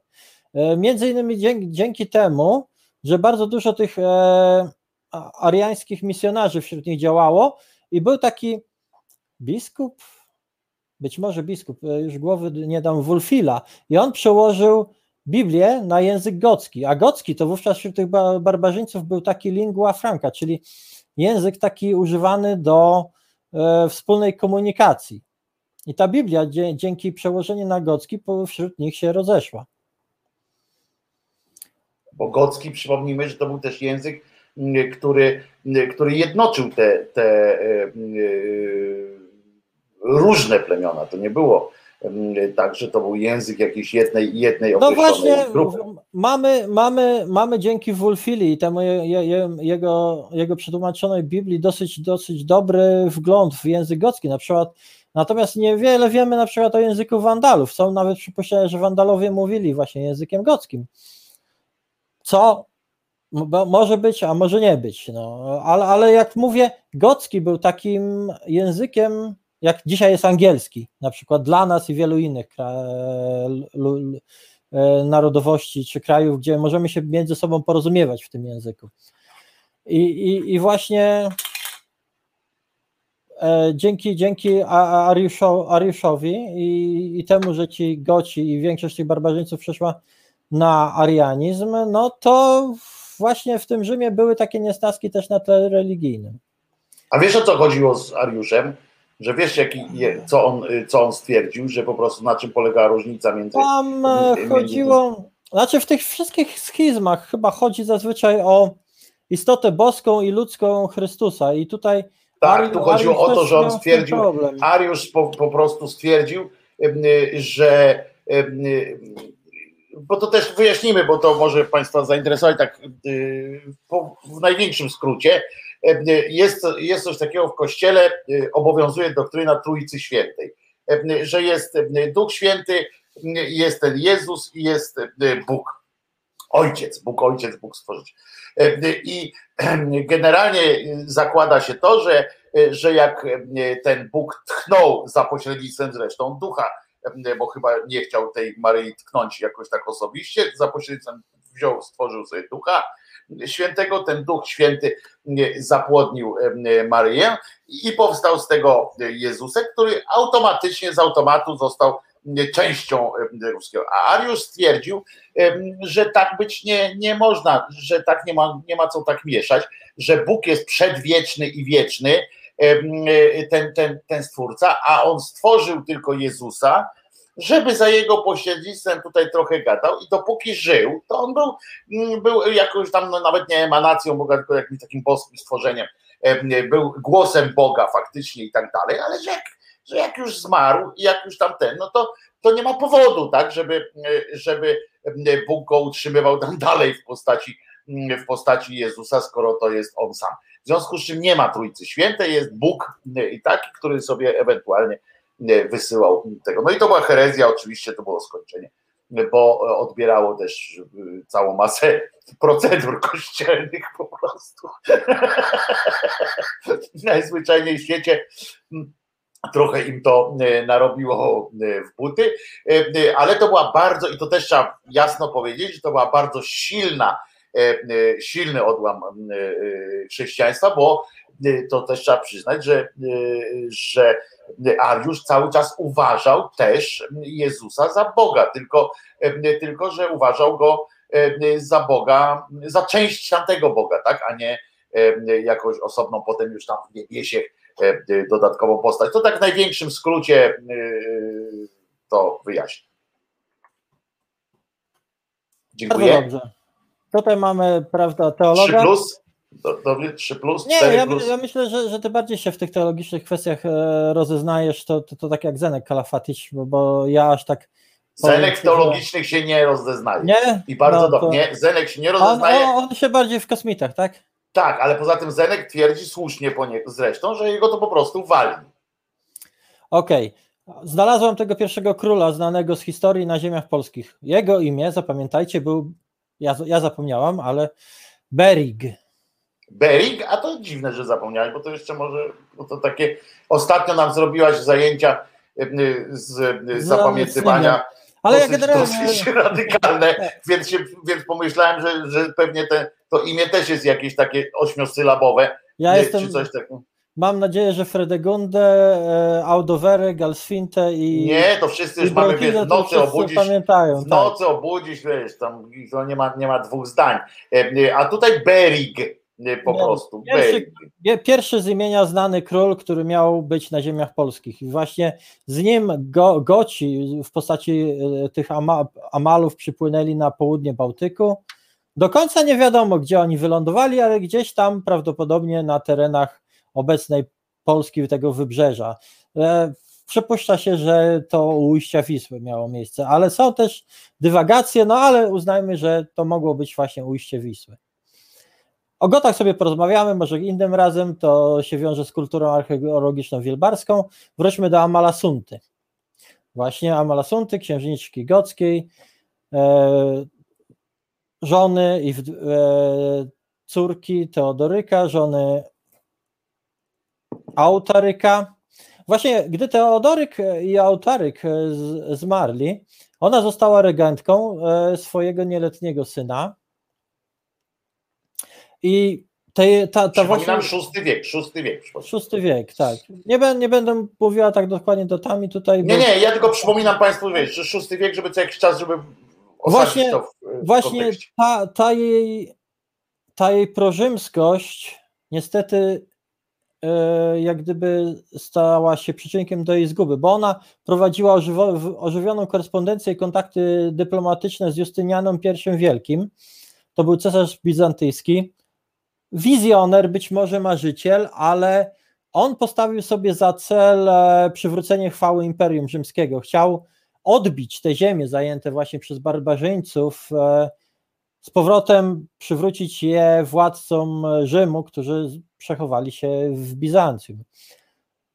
I właśnie możnowładztwo ostrogockie uważało, że Amalasunta e, prawdopodobnie usiłuje ich zdradzić, że knuje za, za, jego, za ich plecami, być może pragnąc po jej śmierci, żeby to właśnie Justynian przejął jak gdyby władzę nad królestwem Ostrogotów. I Amalasunta postanowiła tutaj e, zrobić taki wybieg e, polityczny, że podzieliła się władzą do e, współrządzenia, wybrała swego kuzyna Teodahada, Teodoryk, Teodahad, który... Ja próbuję sobie to ułożyć, w sensie, wiesz, te imiona, nie? Cały czas. Tak. Ten- Ale ona wykombinowała tak, bo tutaj, jak skoro Dlaczego, dlaczego ona, no dlaczego właśnie, ona, czemu dlaczego ona faceta musiała dlaczego ona, dlaczego ona to wykombinowała? Ona nie ożeniła się, po, podzieliła się jak gdyby z nim władzą, ponieważ on był właśnie przedstawicielem tej zbrojnej elity e, ostrogockiej, która była taka antyrzymska e, i liczyła, że tym wybiegiem jak gdyby wybije trochę zęby tym, te, tej opozycji swojej, że przeciągnie ich na swoją stronę. No i niestety nie trafiła, zawiodła się. A co to znaczyło podzieliła się władzą? Co to znaczyło wtedy, w tamtych czasach? Że co, że, że y, część mi, tak jak teraz, to my sobie kombinujemy tak, że podział No. ministerstw y, i tak dalej, podział wpływów, że ci mają siłowe, a ci mają tam zdrowia i tak dalej. Do, do, dokładnie Co tutaj, wtedy to oznaczało? dokładnie nie jestem w stanie tego powiedzieć, ale przypuszczam, że jeżeli on był e, przedstawicielem tej zbrojnej elity, no to, no to on jak gdyby zajmował się sprawami wojskowymi, a ona bardziej sprawami cywilnymi, ale ja nie chcę tutaj, nie chcę dokładnie te, tutaj mówić, bo niestety nie chcę wam, was wprowadzić w błąd. W każdym razie jak gdyby mieli współrządzić. Mhm. No i to był taki strza- strzał w ślepą uliczkę, bo, bo Teodahad niestety jak gdyby wykorzystał ten moment i jeszcze, jeszcze wzmocnił opozycję przeciwko nim, przeciwko niej Mhm. e, i okazało się, że z jego rozkazu lub że za jego przyzwoleniem ją uwięziono na wyspie Martana, na takim jeziorze we Włoszech Bolseno, w centralnej Italii. No to przykrość. No przykrość, no bo ona liczyła, że tutaj no, wykaże się dobrą wolą, e, podzieli się władzą i będą, będą jakąś tam e, razem... Szczęśliwą razem rodziną, że będą szczęśliwą rodziną. Szczęś- Szczęśliwą rodziną to może do końca nie, ale, ale że, że, że to cesarstwo, przepraszam, cesarstwo, królestwo, przynajmniej e, do dorosłości jej syna może No bo plan był taki, jak rozumiem, że ona współdzieliła to regenctwo tak. z tym swoim yy, szwagrem, tak? To był szwagier? To był kuzyn. Kuzyn. Tak. Z kuzynem, ale że jak ten syn dojdzie do władzy, bo to jak tam wydorośleje, to one, oni oboje oddają, tak, mówią dzień dobry. Że, że tutaj będzie król wspólny i on już poprowadzi to królestwo, no ale no ale niestety. No, no bo plan właśnie... był jakiś tam, wiesz, no plan był jakiś tam, miała, można miała plan, nawet, no, mogła ale, tak pokombinować, nie? Ale ją uwięziono, a, a 30 kwietnia roku 534 lub 535 właśnie ją zamordowano w kąpieli. Aj. Prawdopodobnie zrobili to ostrogoccy notable. Możliwe, że za zemsty za mm, pomordowanie ich e, krewnych jako opozycji do Amalasunty. I to się stało przyczynkiem do tego, że Justynian miał pretekst, aby rozpocząć działania wojenne, wysłał swojego jednego z bardziej utalentowanych wodzów na kampanię przeciw to, przeciwko Ostrogotom, żeby podbić Królestwo Ostrogotów. A powiedz mi, co to, to oznaczało, bo ty mówisz, że ona była wykształcona. On mówi, że ona była wykształcona. Co to wtedy oznaczało? A, to znaczy, że potrafiła pisać, czytać, jak na, powiedziałam, posługiwała się łaciną i greką, czyli potrafiła czytać te e, traktaty. Księgi święte. E, zresztą ja nie znam łaciny i myślę, że nie, nie, nie wiem, ale wiem, że wielu ludzi uważa, że to jest błąd, że nie uczy się łaciny w e, szkołach, ponieważ łacina ze względu na swoją strukturę i językową i pewne wymagania uczy pewnego logicznego tworzenia, znaczy pewnego logicznego układania myśli w całość. I być, mo, i być może to też e, wpływ, wpływa na odpowiednie, może nie wykształcenie, tylko umiejętności myślowe ludzi. E, samo, samo to, że ona znała, znała trzy języki, to mhm. już e, dużo, dużo dawało. A poza tym miała właśnie na dworze, bo Teodoryk otaczał się tymi naukowcami, myślicielami, filozofami, właśnie tych ludzi e, na swoje, na swoje usługi. I ona naprawdę tam e, była światłą osobą.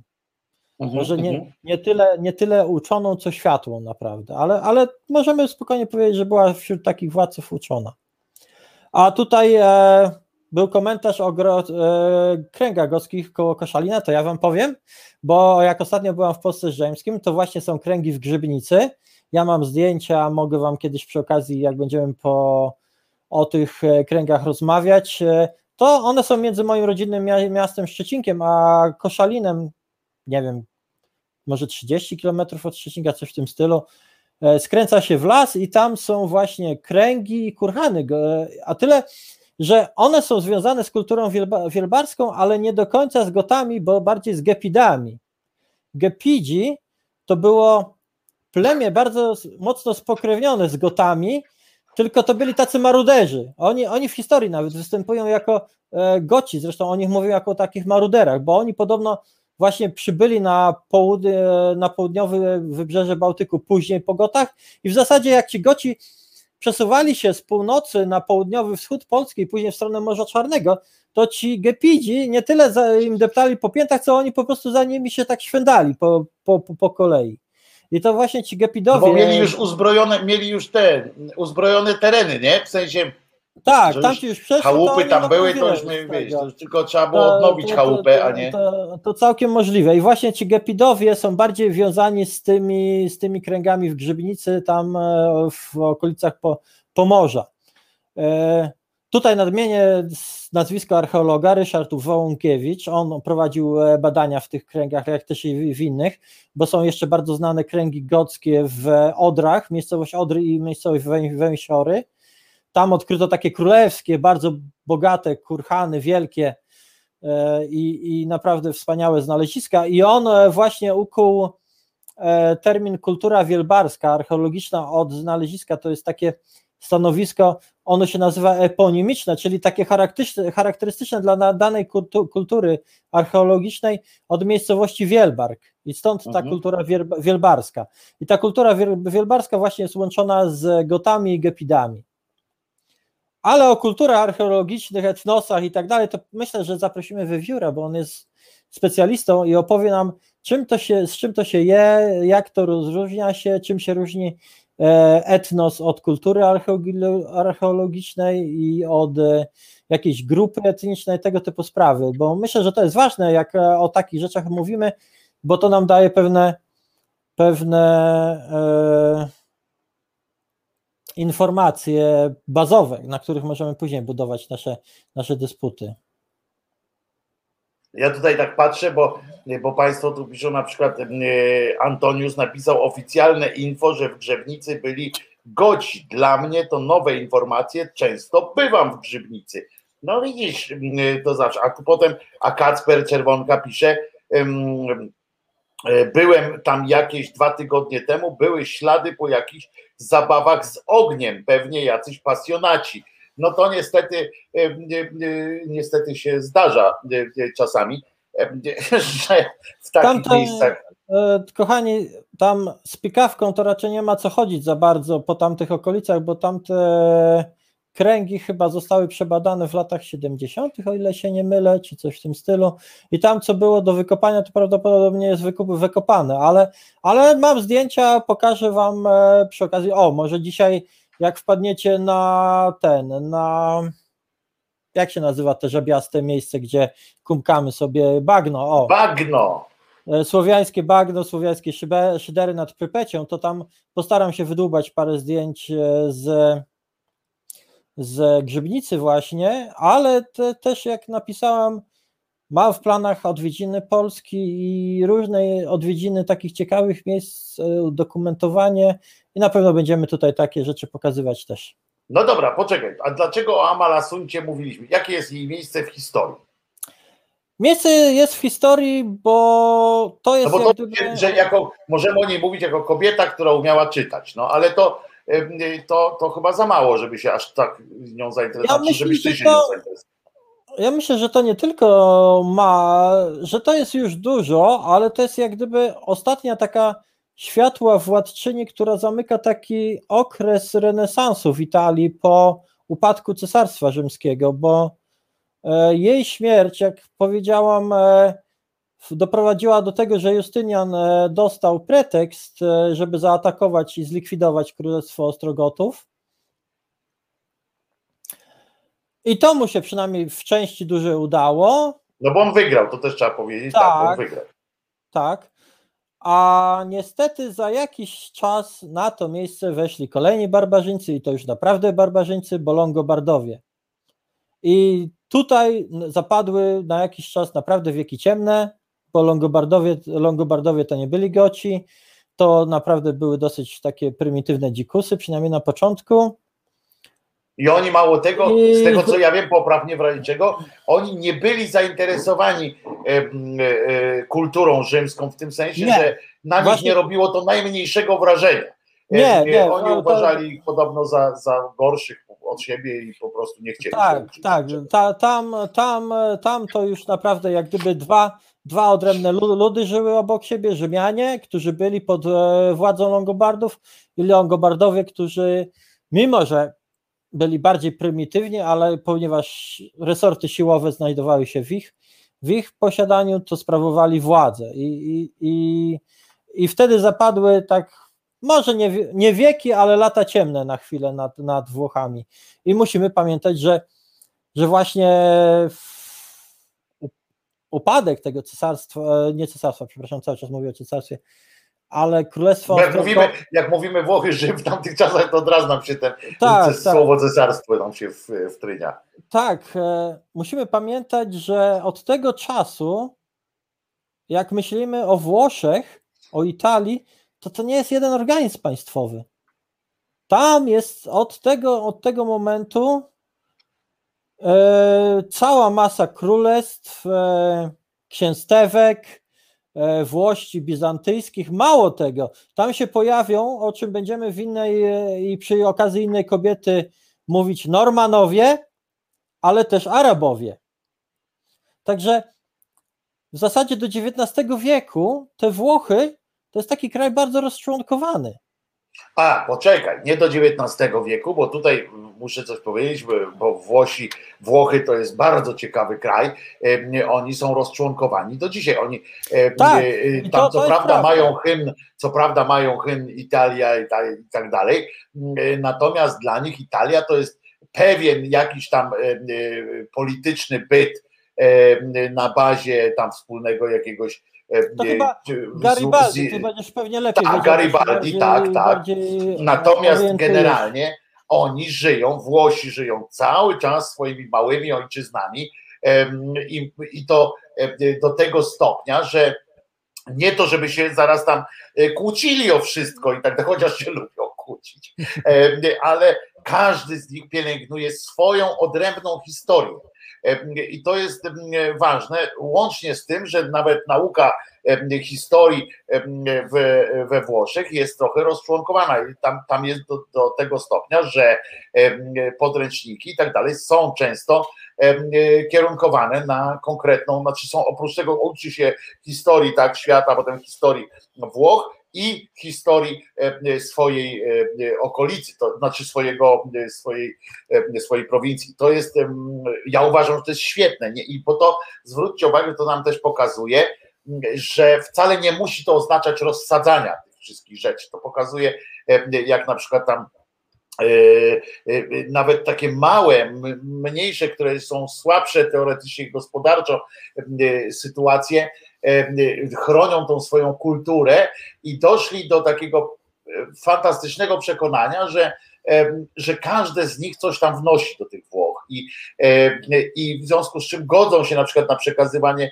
części, wiadomo, tej gospodarczej, ale inni z kolei, no, to jest fantastycznie, to jest naprawdę mm, bardzo mądrze pomyślany e, pomyślany byt taki polityczny, ci e, Włosi. E, natomiast tak, to jest to, co ty mówisz, że to do dzisiaj to jest tak naprawdę kraj federacja, tak? To jest federacyjny kraj, który nie ma statusu federacji, a, ale tak naprawdę dla ludzi, jak zapytasz skąd, są, skąd ktoś jest, to najpierw ci powie, że jest z Toskanii, potem ci powie, że jest z Włoch. To, to, to, to, to, to tak jest zrobione. Nie? To jest fantastyczne pod tym względem.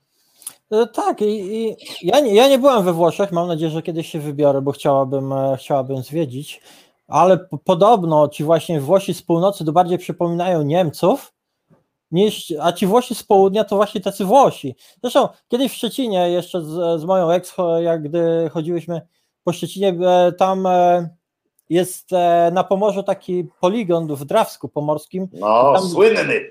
Tak. Zresztą też nie, niedaleko Szczecinek, właśnie moje miasto rodzinne i tak dalej. I ci żołnierze chyba wylądowali właśnie włoscy w Szczecinie, którzy się udawali do Drawska. To wiesz, ci Włosi, Włosi się śmiejesz, wiesz, no ja jestem e, ja jestem e, dosyć wysoka, prawda? I zawsze się śmiałam, że ci Włosi to wiesz, takie kurdupla, a jak zobaczą blond dziewczynę, to w ogóle takie oczy. E, I, I sięgają mi kolesie do ramienia, ale później spotkałem tych dowódców, tych Włochów, i to byli już, to byli już blondynie i na przykład o pół głowy wyżsi ode mnie. I wtedy ja tak patrzyłam, co oni tacy, przecież to nie Włosi, a to właśnie byli Włosi. I i są te, są te różnice właśnie w mentalności prawdopodobnie też, ale też e, w uprzemysłowieniu kraju, no bo najbardziej uprzemysłowiona jest właśnie północ Włoch i taka najbardziej prężna gospodarczo, podczas gdy gdy południe to jest taka bardziej maniana hiszpańska, prawda? Tam, no, ale tam z kolei jest turystyka i tak dalej. Oni tak, tam to jest naprawdę zrównoważone w miarę. Oczywiście są tam te, są, są prowincje, gdzie regiony, w których w których jest no biednie i tak, no ale, ale to kwestia, kwestia jakiejś umowy społecznej e, e, i, i działają, ale naprawdę to jest fakt, że to im zostało do dziś z tych z czasów, bo to za rzymskiej, za Rzymu tego wielkiego, też nawet te, bo nam się wydaje ten Rzym, prawda, od morza do morza, od, od końca do końca Europy, jeszcze Afryka, i nam się wydaje takie wielkie i że siłą rzeczy wtedy te prowincje też musiały być takie wielkie, tak proporcjonalne do, do skali tego kraju. Otóż nie. Tam, taka mała Sycylia na przykład, czy, czy jakieś rzeczy, to były osobne całe społeczności, kraje osobne tak naprawdę, mimo że jakbyśmy tak spojrzeli na tą mapę tego Rzymu, Cesarstwa Rzymskiego, no to byśmy kropkę, tak, na całej Sycylii to byłaby kropka. To, to, te prowincje to naprawdę nie oznaczały setek tysięcy hektarów, czy tam w czym to się liczy, to chodziło o właśnie plemiona, to chodziło o plemiona i o społeczności takie małe polityczne, więc one nie musiały zajmować jakiś taki, potem się wiadomo łączyły tam zwłaszcza mm, później jak już to No musimy, musimy, musimy wziąć pod uwagę, że samo powstanie Rzymu, no to zaczęło się od, od tego miasta na siedmiu chyba wzgórzach i okolicy.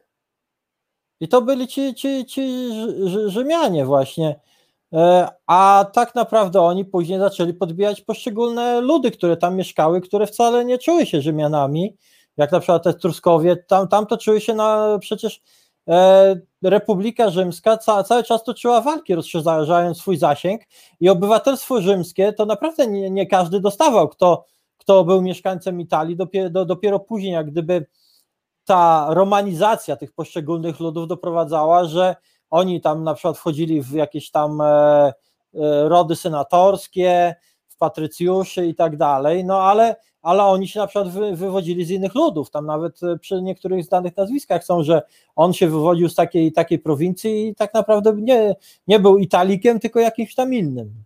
Także to, sam, to jest. Sa, sa, sam Półwysep to, to, to, to był taki patchwork różnych plemion, które wcale nie były Rzymianami. One, oni później stali się Rzymianami. Nastąpiła taka konsolidacja, romanizacja, unifikacja pod tym e, panowaniem Rzymian, ale, ale to trwało lata. To, to, to właśnie ale to też jest ciekawe, to też jest ciekawe w tej historii Włoch, że oni e, do tradycji rzymskiej odnoszą się wszyscy. Znaczy większość do tradycji Cesarstwa Rzymskiego jest ok, e, ale mm, to jest tak jak, tak jak teraz mówimy, mm, e, bardziej w, tej, w tym sensie, że tak jak my wszyscy jesteśmy Europejczykami, ale jesteśmy Polakami, tak? E, mm, to tak samo tam jest, że jesteśmy, byliśmy obywatelami rzymskimi, ale, ale jednocześnie Sardyńczykami, czy tam, czy innymi takimi ludami, że, że koniec. Martyno, zgodzisz się, że zrobimy przerwę na piosenkę i przejdziemy do seksu? Jasne. Ja tylko przypomnę, że do tradycji rzymskiej też odwołują się nasi narodowcy, bo oni salut Ach. rzymski często uskuteczniają te pięć piw, wiadomo. Ale oni w ogóle są tacy bardzo, bardzo yy, jakby to powiedzieć, otwarci na świat, bo tam symbole szczęścia z Indii. E, e, słowiańskie, słowiańskie. No ale to nie tylko, bo, bo, e, bo właśnie to, bo tak jak powiedzieliśmy kiedyś swastyka w tę czy w drugą stronę odwrócona, to w każdej kulturze się znajdowała, ponieważ, ponieważ to jest dosyć prosty do zrobienia symbol, który, który się łatwo było, można też go opisywać potem, w związku ja z czym on w każdej księdze ja, jest ja wam po cichu powiem, kochani, że ja tyle banów dostałam od Facebooka za swastyki, że żaden chyba naziol tyle nie dostał. Ja, ja mam nawet specjalny folder. Facebook mi go skasował, ale mam folder ze zdjęciami z British Museum, gdzie poszłam i robiłam specjalnie swastyki, aby udowodnić, że to jest symbol, który występował prawie na każdym kontynencie i w prawie w każdej kulturze, bo to jest bardzo prosty symbol symbolizujący słońce. Y, słońca, ale mało tego, on bardzo łatwo jest go, y, y, bardzo łatwo jest go interpretować, w sensie takim, że dorysowując do niego kolejne elementy, można go bardzo ładnie rozbudowywać, dlatego on w kulturach na całym świecie e, istniał, bo pamiętasz te, te takie, co są najpierw jedna, potem nagle odbija, są takie połamane. Swastyka po prostu jest świetnym, świetnym, tym mało tego zarypiaście się odbija w lustrze, nie? co też niektóre kultury wy, wykorzystały, że jak się odbija lustrze e, swastyka ją tak pokazać, to, to w ogóle już są, to Bóg po prostu na nas patrzy, nie? Niemalże. Czujemy to. Jego, to jest do koła młyńskiego, tam niektórzy, no kurczę, łopaty, no to nawiązać, nie ma takiej kultury, znaczy ja nie znam takiej kultury, która rozbudowała jakkolwiek jakiś system, bądź to mitów, bądź religijnych, żeby nie użyła przynajmniej raz gdzieś czegoś podobnego, czy czegoś na kształt czegoś, co dzisiaj nazywamy swastyką, tylko dlatego, że urodziliśmy się akurat w takim, a nie innych okolicznościach przyrody, bo nazywalibyśmy to dużo różniej. Ale ja jeszcze tylko dodam, bo ja tutaj mam w konspekcie o dziedzictwie Amalasunty i to też może mówić, dlaczego o nie rozmawiamy, bo... No to dawaj jeszcze o Amalasuncie, przeszła... bo potem jak wrócimy, to do seksu. Tak, tak, do, do nierządnicy. E, bo ona przeszła jak gdyby do pop kultury, może nie pop kultury, sztuki. Na przykład Carlo Goldoni w 1733 roku e, napisał swoją pierwszą sztukę, tragedię zatytułowaną Amalasunta. I nie, no, ona była oparta na życiu tej nieszczęśliwej księżniczki i niestety okazała się też nieszczęśliwą finansową i, i spektakularną klapą. No widzisz. A na przykład rumuński poeta Georg Kozbus napisał poemat zatytułowany Królowa Ostrogotów. I to była też Amalasunta akurat. O niej, też tak? Amalasunta, tak, o niej, o niej, o niej, o niej. A w 1900... Ale pada tam imię, pada imię, pada imię tam w tym, czy nie? E, tak.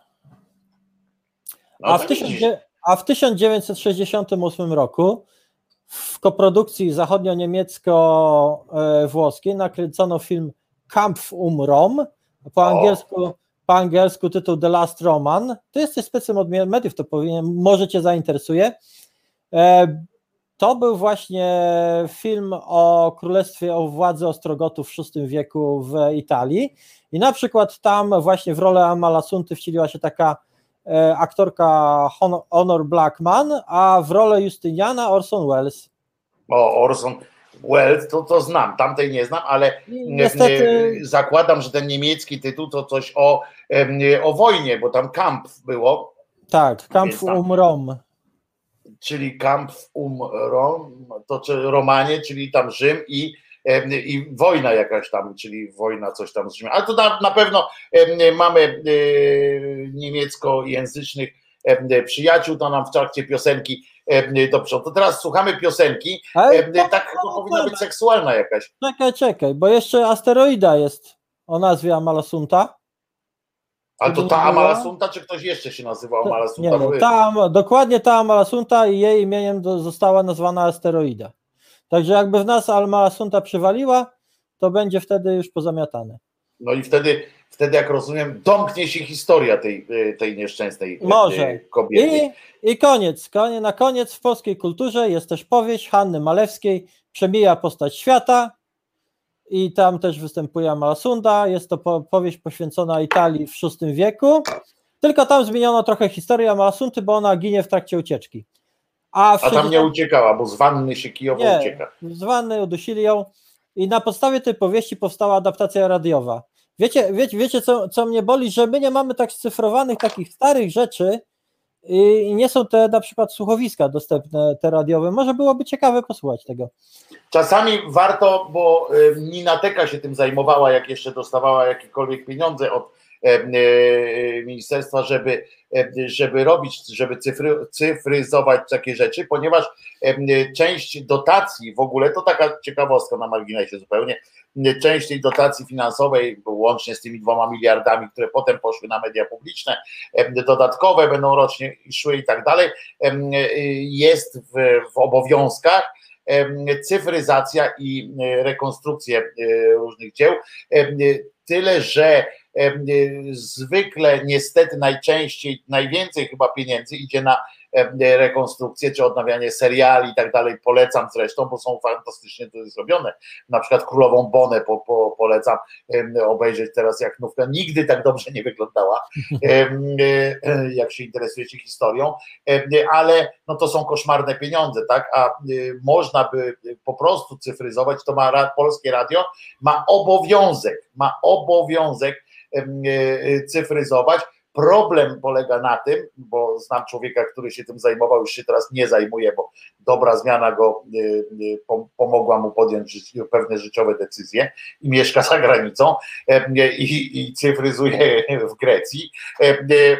To okazuje się, że jak się wyciąga taśmy z takimi właśnie perełkami często, patrzysz jakieś tam słuchowisko, mówisz, ja pierdzielę, nawet nie wiedziałem, że coś takiego mamy, wyciągasz taką taśmę, to albo nagle patrzysz, że w pudełku nie ma taśmy, a w tych nowszych troszeczkę to wyciągasz taśmę, kładziesz ją na pęben maszyny losującej, a tam na przykład. Szelest. Nie, gorzej. Ktoś nadgrał, nagrał a. na to coś innego, bo taśmy nie było, bo był taki bo czas. Bo była droga kiedy była bardzo droga i niestety e, wykorzystywano i nie opisywano po, potem. To jest taki powiem, burdel w tym archiwum. To, to, to, powiem Ci, sytuacja podobna z, rę, z rękopisami średniowiecznymi, bo tam też e, ten pergamin był drogim materiałem i, i często wykorzystywano po, ponownie go i dzięki temu na przykład możemy, e, mając nowoczesne techniki, z tych kart odczytać kil, kilka poziomów, jak gdyby, które były zapisane na nich. To, to, to też w te. W Czyli ten książka 3D.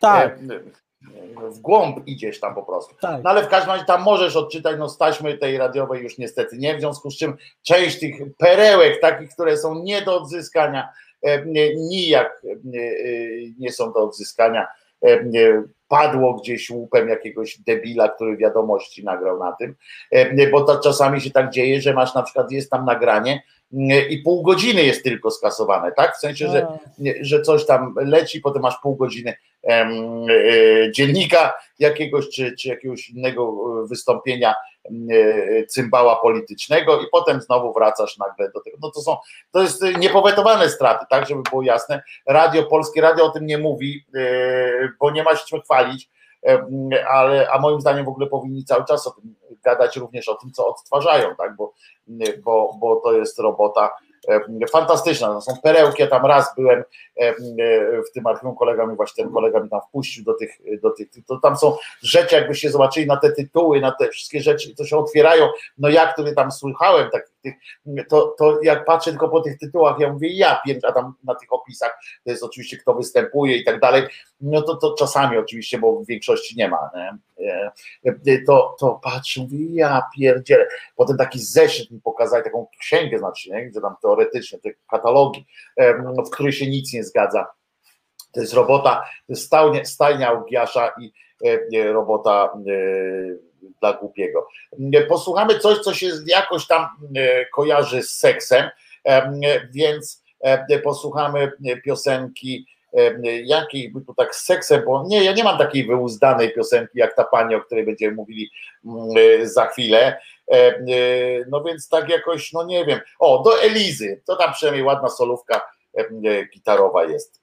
Lecimy i wracamy, pamiętajcie, będzie będzie, jak to kiedyś powiedział w filmie, w tym, że najważniejsza ze sztuk, czyli film, taki film był super produkcja Machulskiego i tam było wiadomo, że trzeba seks and przemoc, że każdy film powinien mieć tytuł na przykład tam Staś i Nel, seks and przemoc albo albo e, e, Czterej Pancerni i Pies, Seks and Przemoc. I to wtedy podobno się świetnie e, indeksuje i wtedy będzie miało oglądalność i słuchalność, no więc my mówimy jasno, będzie za chwileczkę historia średniowiecza, Seks and Przemoc, więc lecimy.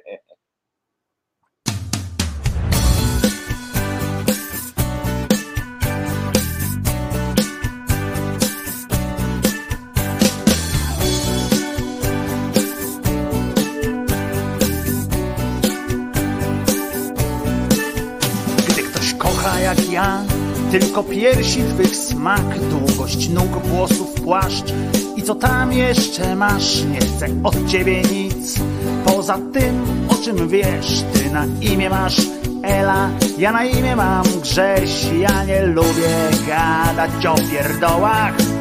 Szkoda życia na takie gadanie. Chodzi zegar i chodzą dłonie nie, nie wystarcza mi już dotykanie. Dotyk tylko wyostrza mi chętkę Na co nieco więcej twego ciała. O tym wszystkim, co umiesz robić. Ja dowiedziałem się od Michała Który mówił że dobrze wiesz, czego chcesz, nieźle w te klocki grasz, no i chęć zawsze masz, a więc pokaż mi co jest zasięgu mych rąk.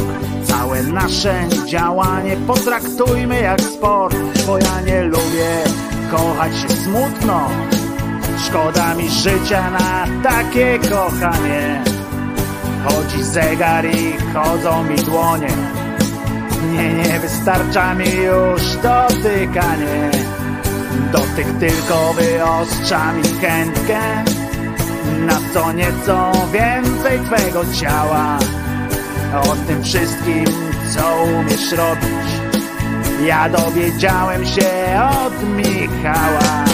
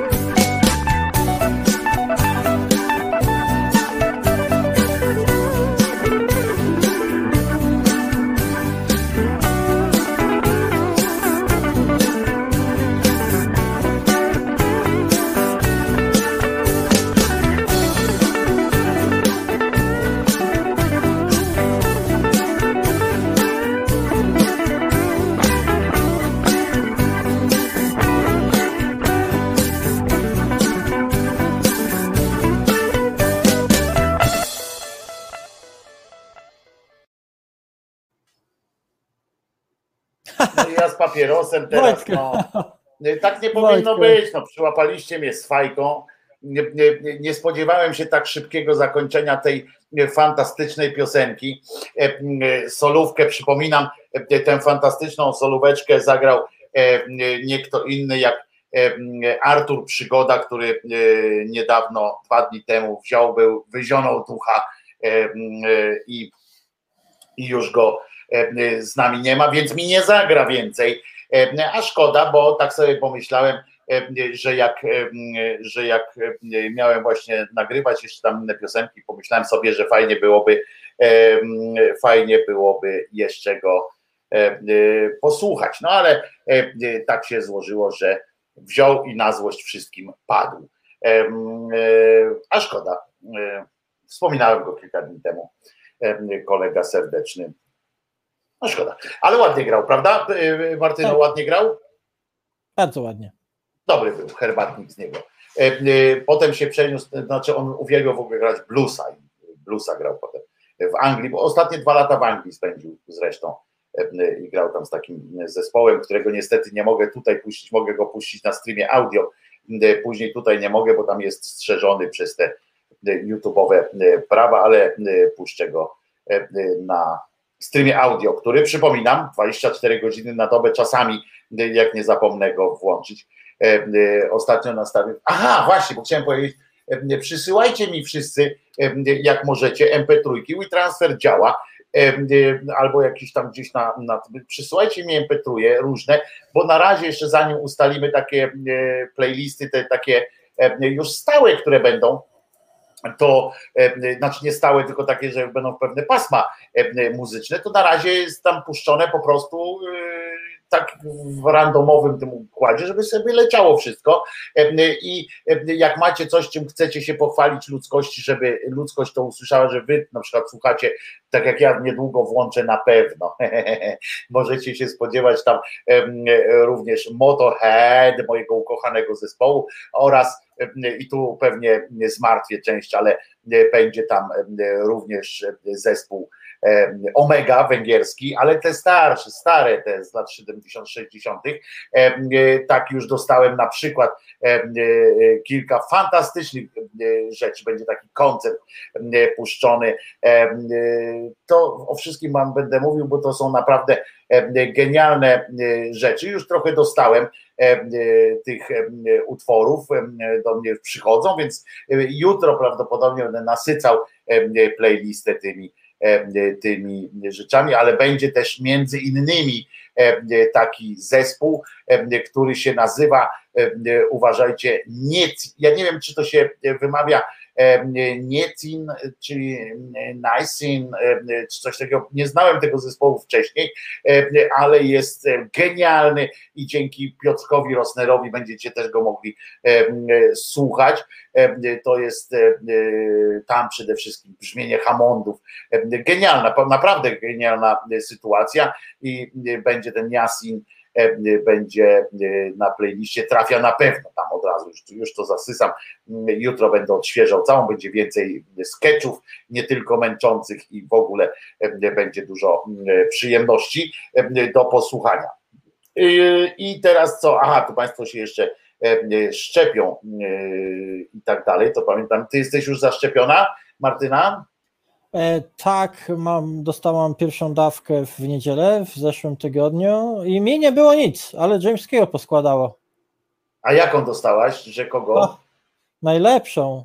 Z płodami. Astre, AstraZeneca dostałam. No, wiesz. czyli płody. Mamy, mamy w sobie moc teraz, yy, yy, yy, tak jak właśnie. To, to, nie jest, to nie jest szczepionka dla miękiszonów. Powiem ci, że jeszcze tak poskładanego Jameskiego to nie widziałam. Dwa dni prawie, że martwy ja musiałem wokół niego skakać, tam biegać i wiesz, do pracy nie poszedł, leniuch jeden, także, także tutaj no i, i tak naprawdę jeszcze, jeszcze nie czuję się najlepiej, e, tak wiesz, normalnie, także, a, a mi absolutnie nic, w poniedziałek byłam przecież e, na jeździe, tylko tutaj, gdzie dostałam szczepionkę, lekki, lekki takie obolałe miejsce, no ale to jak przy każdym zastrzyku i to wszystko. Ale to jest szczepionka dla twardych ludzi, no. E, z płodami, e, płody, mamy w sobie moc płodów wszystkich. Mam nadzieję, że te płody, które do mnie trafiły, to były płody silnych przedstawicieli gatunku i ja teraz właśnie tak czuję moc w sobie, więc, więc chyba działają. Proszę ciebie. No dobra, ale my przechodzimy teraz, uwaga, obiecaliśmy seks and przemoc, no to słowo się rzekło popularnie mówiąc kobyłka u płotu, a tu nawet u płota nawet, a tu powiem ci, że kobyłka w istocie nawet będzie, bo uwaga, słuchajcie, pokazujemy panią, tak? Czy już pokazać mogę panią? Tak. Czy, czy, czy nie? To wtedy muszę najpierw ciebie wziąć na, na duży. I proszę bardzo, pani Martyna Makosa opowiada o seksie, przemocy i o kobiecie, która która przemocą stoi i seksem. Proszę bardzo. Oto ona. No, to nie jest, to nie jest tak do końca ona, ale to jest pewne wyobrażenie. To jest obraz z roku 1878 e, o nazwie Pornokracja. Dlaczego pornokracja? Zaraz wyjaśnimy. Przechodzimy albowiem do nierządnicy. Była uczona, światła osoba i okazuje się, że światła, bycie światłym, uczonym, mądrym nie zawsze prowadzi do sukcesu, a często wręcz moim zdaniem przeszkadza w tym. Teraz mamy nierządnicę i opowiadamy o takiej włoskiej odpowiedniczce naszej Fredegundi, a mianowicie Marozji. Marozja była córką Teofilakta, Teofilakta i Teodory i rządy rodziny teofilaktów, to one trwały w Rzymie kilkadziesiąt lat. Głównie właśnie rządy Teodory i jej córki Marozji są określane mianem pornokracji. Pornokracja, czyli to taki neologizm wpływ wskazujący na duży wpływ e, wywierany na rządzącego przez prostytutki. I stąd mamy ten obraz taki. Osadzenie w czasie, kontekst kulturowy, który to wiek? Dziesiąty. Dziesiąty wiek. Tak. Czyli u nas już zaczęli zbliżać się do chrztu. O tak. No to dajesz, dajesz. Widzę tam, tam są, widzę y, y, anioły, y, widzę świnie, bo to co lata tam może, jeżeli ktoś ma na małym ekraniku, to nie widzi, że to są aniołki, cherubiny takie skrzydlate, nawet męskiej płci, chociaż teoretycznie ten jeden taki, co odwrócił się przodem bezwstydnik, to zdaje się jest męskiej pci, chociaż cherubiny, z tego co pamiętam, to były bezpciowe miały być, nie? Tam z tego co wiem, to aniołki jakoś tak nie miały y, mieć. Chociaż z drugiej strony, co, z czego byśmy deszcz mieli, jak one by nie miały siusiaków, to Chociaż nie, no kobiety nie mają siusiaków, a dalej też sikają. No dobra, to coś głupie było, a i na dole to coś to nie, jest świniopis. Nie popadajmy w fetysze. Fetysze no więc właśnie. na inne okazje. Chociaż tutaj widzę pani w, w lateksowych rękawiczkach ze, ze świniopsem, i, i, i, i co? No, no i co to oznaczało, powiedz mi? No, przypuszczam, że to X jest. Taka, wiek, przypominam. Ta, znaczy, tak, ale obraz, obraz jest tutaj późniejszy, czyli mamy taki obraz nierządnicy prowadzącej przed sobą świ, na postronku, czyli przypuszczam, ja to tak interpretuję. Nie, nie jestem krytyczką sztuki, bo ja jestem z barbarzyńców, a barba, barbarzyńców najwa, najważniejsza sztuki to sztuka mięsa i sztuka złota, ale ja to tak interpretuję, że to jest taka właśnie papiestwo prowadzone na smyczy przez nierządnicę, a tutaj nad tym latają aniołki. I dlaczego, dlaczego to się wzięło i skąd to się wzięło? Dlatego, Czekaj, to papiestwo to świnia? No, tak jakby. Nie sądzisz? To mogli jej tego chociaż piuskę ubrać. No na przykład. Okej, okay, ale, ale, ale właśnie przejdźmy do tej marozji z rodziny teofilaktów. To właśnie była taka,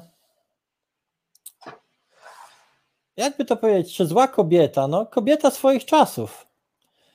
E, była oficjalnie żon, żoną księcia Spoleto, Alberyka I, Natomiast e, taki podróżnik, e, kronikarz, historyk Liutprand z Kremony twierdził około roku 965, że była ona kochanką papieża Sergiusza III. Natomiast nie jest to informacja potwierdzona. A jak byś sobie wyobrażała potwierdzenie, że co? Zdjęcia, no, drzeworyty? No, no, właśnie tak jak mówisz, że stał tam jakiś koleś za tą, za kotarą i na przykład robił linoryt albo drzeworyt i, i tego. No. no dlatego, dlatego no, jeżeli Liutprand taką, taką informację daje, to musiały być e, jednak chodzić o tym plotki. Ile prawdy w tych plotkach, to ja nie jestem w stanie rozsądzić, natomiast... A ona z urodzenia kim była? E, to była jak gdyby arystokracja rządząca ówczesnym Rzymem. Mogę ci powiedzieć, kim e, był jej ojciec, jak, jaką funkcję pełnił, bo on miał tam właśnie taki tytuł rzymski. E, a ona, jako jego córka, no to była po prostu arystokratką. Mhm. Pobudzoną seksualnie. Pamiętaj, że wtedy w Rzymie. No co wtedy w Rzymie? Wtedy w, Rzym, w Rzymie nie, nie o, jak gdyby nie było króla czy księcia, ponieważ e, rządzili cesarze e, rzymscy, czyli, czyli ci niemieccy. Natomiast jej ojciec był konsulem. Jak gdyby, tylko to tyle, że to już nie Bo Oni przejęli to właśnie, powiedzmy to. To było tak. tak. Był cesarz niemiecki narodu, cesarz rzymski narodu niemieckiego i tak dalej, tam potem było to późniejsze ale generalnie przejęli tę tytulatura, bo, bo cesarzowi niemieckiemu zależało też na, na tej włóczni i tak dalej, czyli on był dalej bardzo chciał być cesarzem rzymskim, bardzo chciał, po prostu kombinował jak koń pod górę, żeby, żeby ta tradycja stała się faktem, żeby, żeby za nim stały te wszystkie, wszystkie tradycje związane z, z Cesarstwem Rzymskim. W związku z czym tytulatura, nomenklatura tak. bardzo często została zachowana z tamtych, z tamtych czasów. Byli patrycjusze, byli, byli konsulowie i tak dalej. Była rada ta specjalna taka, która nie miała nic do gadania, ale ona była. To wszystko się, te procedury odbywały włącznie z, z, tym, z tym zamawianiem pięciu piw też się wtedy zaczęło, to jeszcze nie było takie aż popularne, przynajmniej na dworze tutaj właśnie w Niemcach, ale, ale to zostało też z tamtych czasów jeszcze te zamawianie. Musimy, musimy nadmienić, e, pamiętajmy, że nie było takiego kraju jak Niemcy w naszym rozumieniu takiego znaczenia, natomiast było Królestwo Niemieckie. I król Niemiec mógł zostać właśnie cesarzem e, świętego cesarstwa narodu niemieckiego, tam jest dopisek, ale generalnie świętego cesarstwa rzymskiego. E, I, i, i właśnie e, ten cesarz rządził jak gdyby on rządził wieloma ludami. No, jeżeli popatrzycie sobie na, na włości cesarstwa, no to, to, to, to jest te, ta połowa tego władztwa frankijskiego od jak gdyby Renu aż po, po Łabie, bo, po, po Słowian i na południe do, do praktycznie połowy Włoch. I, i tam, no jakby nie patrzeć, było wie, wie, wielu, wiele ludów. Stąd ci cesarze no, w, uważali się właśnie za takich spadkobierców tego cesarstwa rzymskiego. I tak jak mówisz, oni, oni właśnie zachowali tą tytulaturę. To tak jak dzisiaj w korporacjach, no masz na przykład sprzątaczka, to jest e, jakiś angielski tytuł, na przykład, e, nie wiem, e, jak konserwator. Czegoś menadżer, czegoś płaskich, czy tam cleaner manager, czy staff cleaning. No ja na przykład jestem general assistant, czyli po prostu jest, ja pracuję w sklepie, a jestem general assistant. I, i taka korporacyjna no, mowa, no, nowomowa, jak gdyby powiedzieć. I tam też e, to nie była nowomowa, ale właśnie prestiż, podkreślanie prestiżu e, tego, tego, że to jesteśmy jak gdyby spadkobiercami tego cesarstwa rzymskiego, to zresztą... No ten prestiż też się ujmował mówili w odzieniu, w odzieniu, tak. tuniki, które, które wprowadzono w cesarstwie tak niemieckim, Ko kolory, cesarstwie rzymskim. Kolory, to, które nie każdy mógł tak. nosić, na przykład jak purpura właśnie, która była tylko dla władców przeznaczona. To wszystko, był, to wszystko tak. była spuścizna Rzymu. I właśnie, e... I właśnie na przykład konsulat w Rzymie przywrócił e, taki cesarz e, rzymski i król Włoch, ja, za, ja zawsze, ja kocham te ich przydomki. Zresztą powiemy sobie o paru innych e, przydomkach, ale ten tutaj to jest Ludwik III Ślepy. I on przywrócił w 915 roku konsulat Włoch i właśnie ojciec Marozji był takim e, konsulem, e, konsulem Rzym, Rzymu e, z ramienia cesarza. I, czyli w zasadzie z jego jak gdyby poruczenia sprawował władzę w Rzymie. No, no i właśnie ta, ta rodzinka Marozji, ci teofilaktowie, sprawowali władzę w Rzymie przez dobre kilkadziesiąt lat. No i tu jest właśnie ten problem, że zarówno matka Marozji, jak i sama Marozja miała e, nieoficjalne, według plotek, kontakty z papieżami, wpływały na wybór papieży, no yy, i generalnie prowadziły własną politykę taką, jak, jaka im odpowiadała. I tutaj możemy zauważyć, że właśnie ci władcy, jak wspominaliśmy o Fredegundzie poprzednio, i, i o innych władcach, że oni tak e, niespecjalnie bali się te, te, tej władzy jeszcze e, kościelnej. No, pamiętamy, że Fredegunda zamordowała biskupa tam e, podczas mszy. Tutaj na przykład też będzie, będzie te, tego, typu, te, tego typu właśnie przypadek. W kole, przy kolejnej świętej będziemy mówili o papieżu, który prosi o pomoc cesarza, bo, bo, bo wojnę z nim prowadzi pewien arystokrata. Także to nie było tak, że, e, że, że ta struktura kościelna była nietykalna, że, że naprawdę nic nie można było zrobić. Na przykład Longobardowie e, też e, po, po zajęciu Włoch właśnie prowadzili z papieżem walki i tylko chyba dzięki wsparciu Bizantyjczyków nie zajęli tego Rzymu tak, tak, tak, tak do końca. Ale wróćmy właśnie do.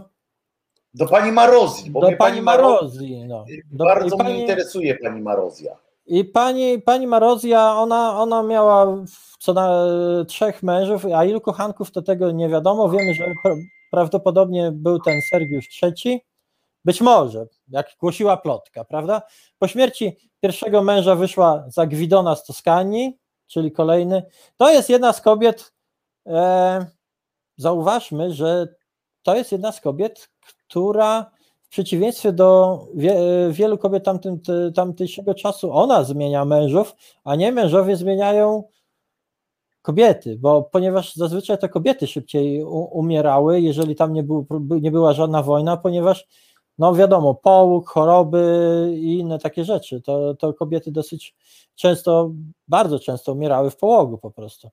No mhm. i ona wyszła za tego Gwidona z Toskanii, to był e, też wpływowy arystokrata i z jego pomocą doprowadziła do uwięzienia papieża Jana X w maju 928 roku w zamku Świętego Anioła. Ten zamek Świętego Anioła, tam on, się będzie cały czas w historii papiestwa przewijał, to jest mauzoleum cesarza Hadriana.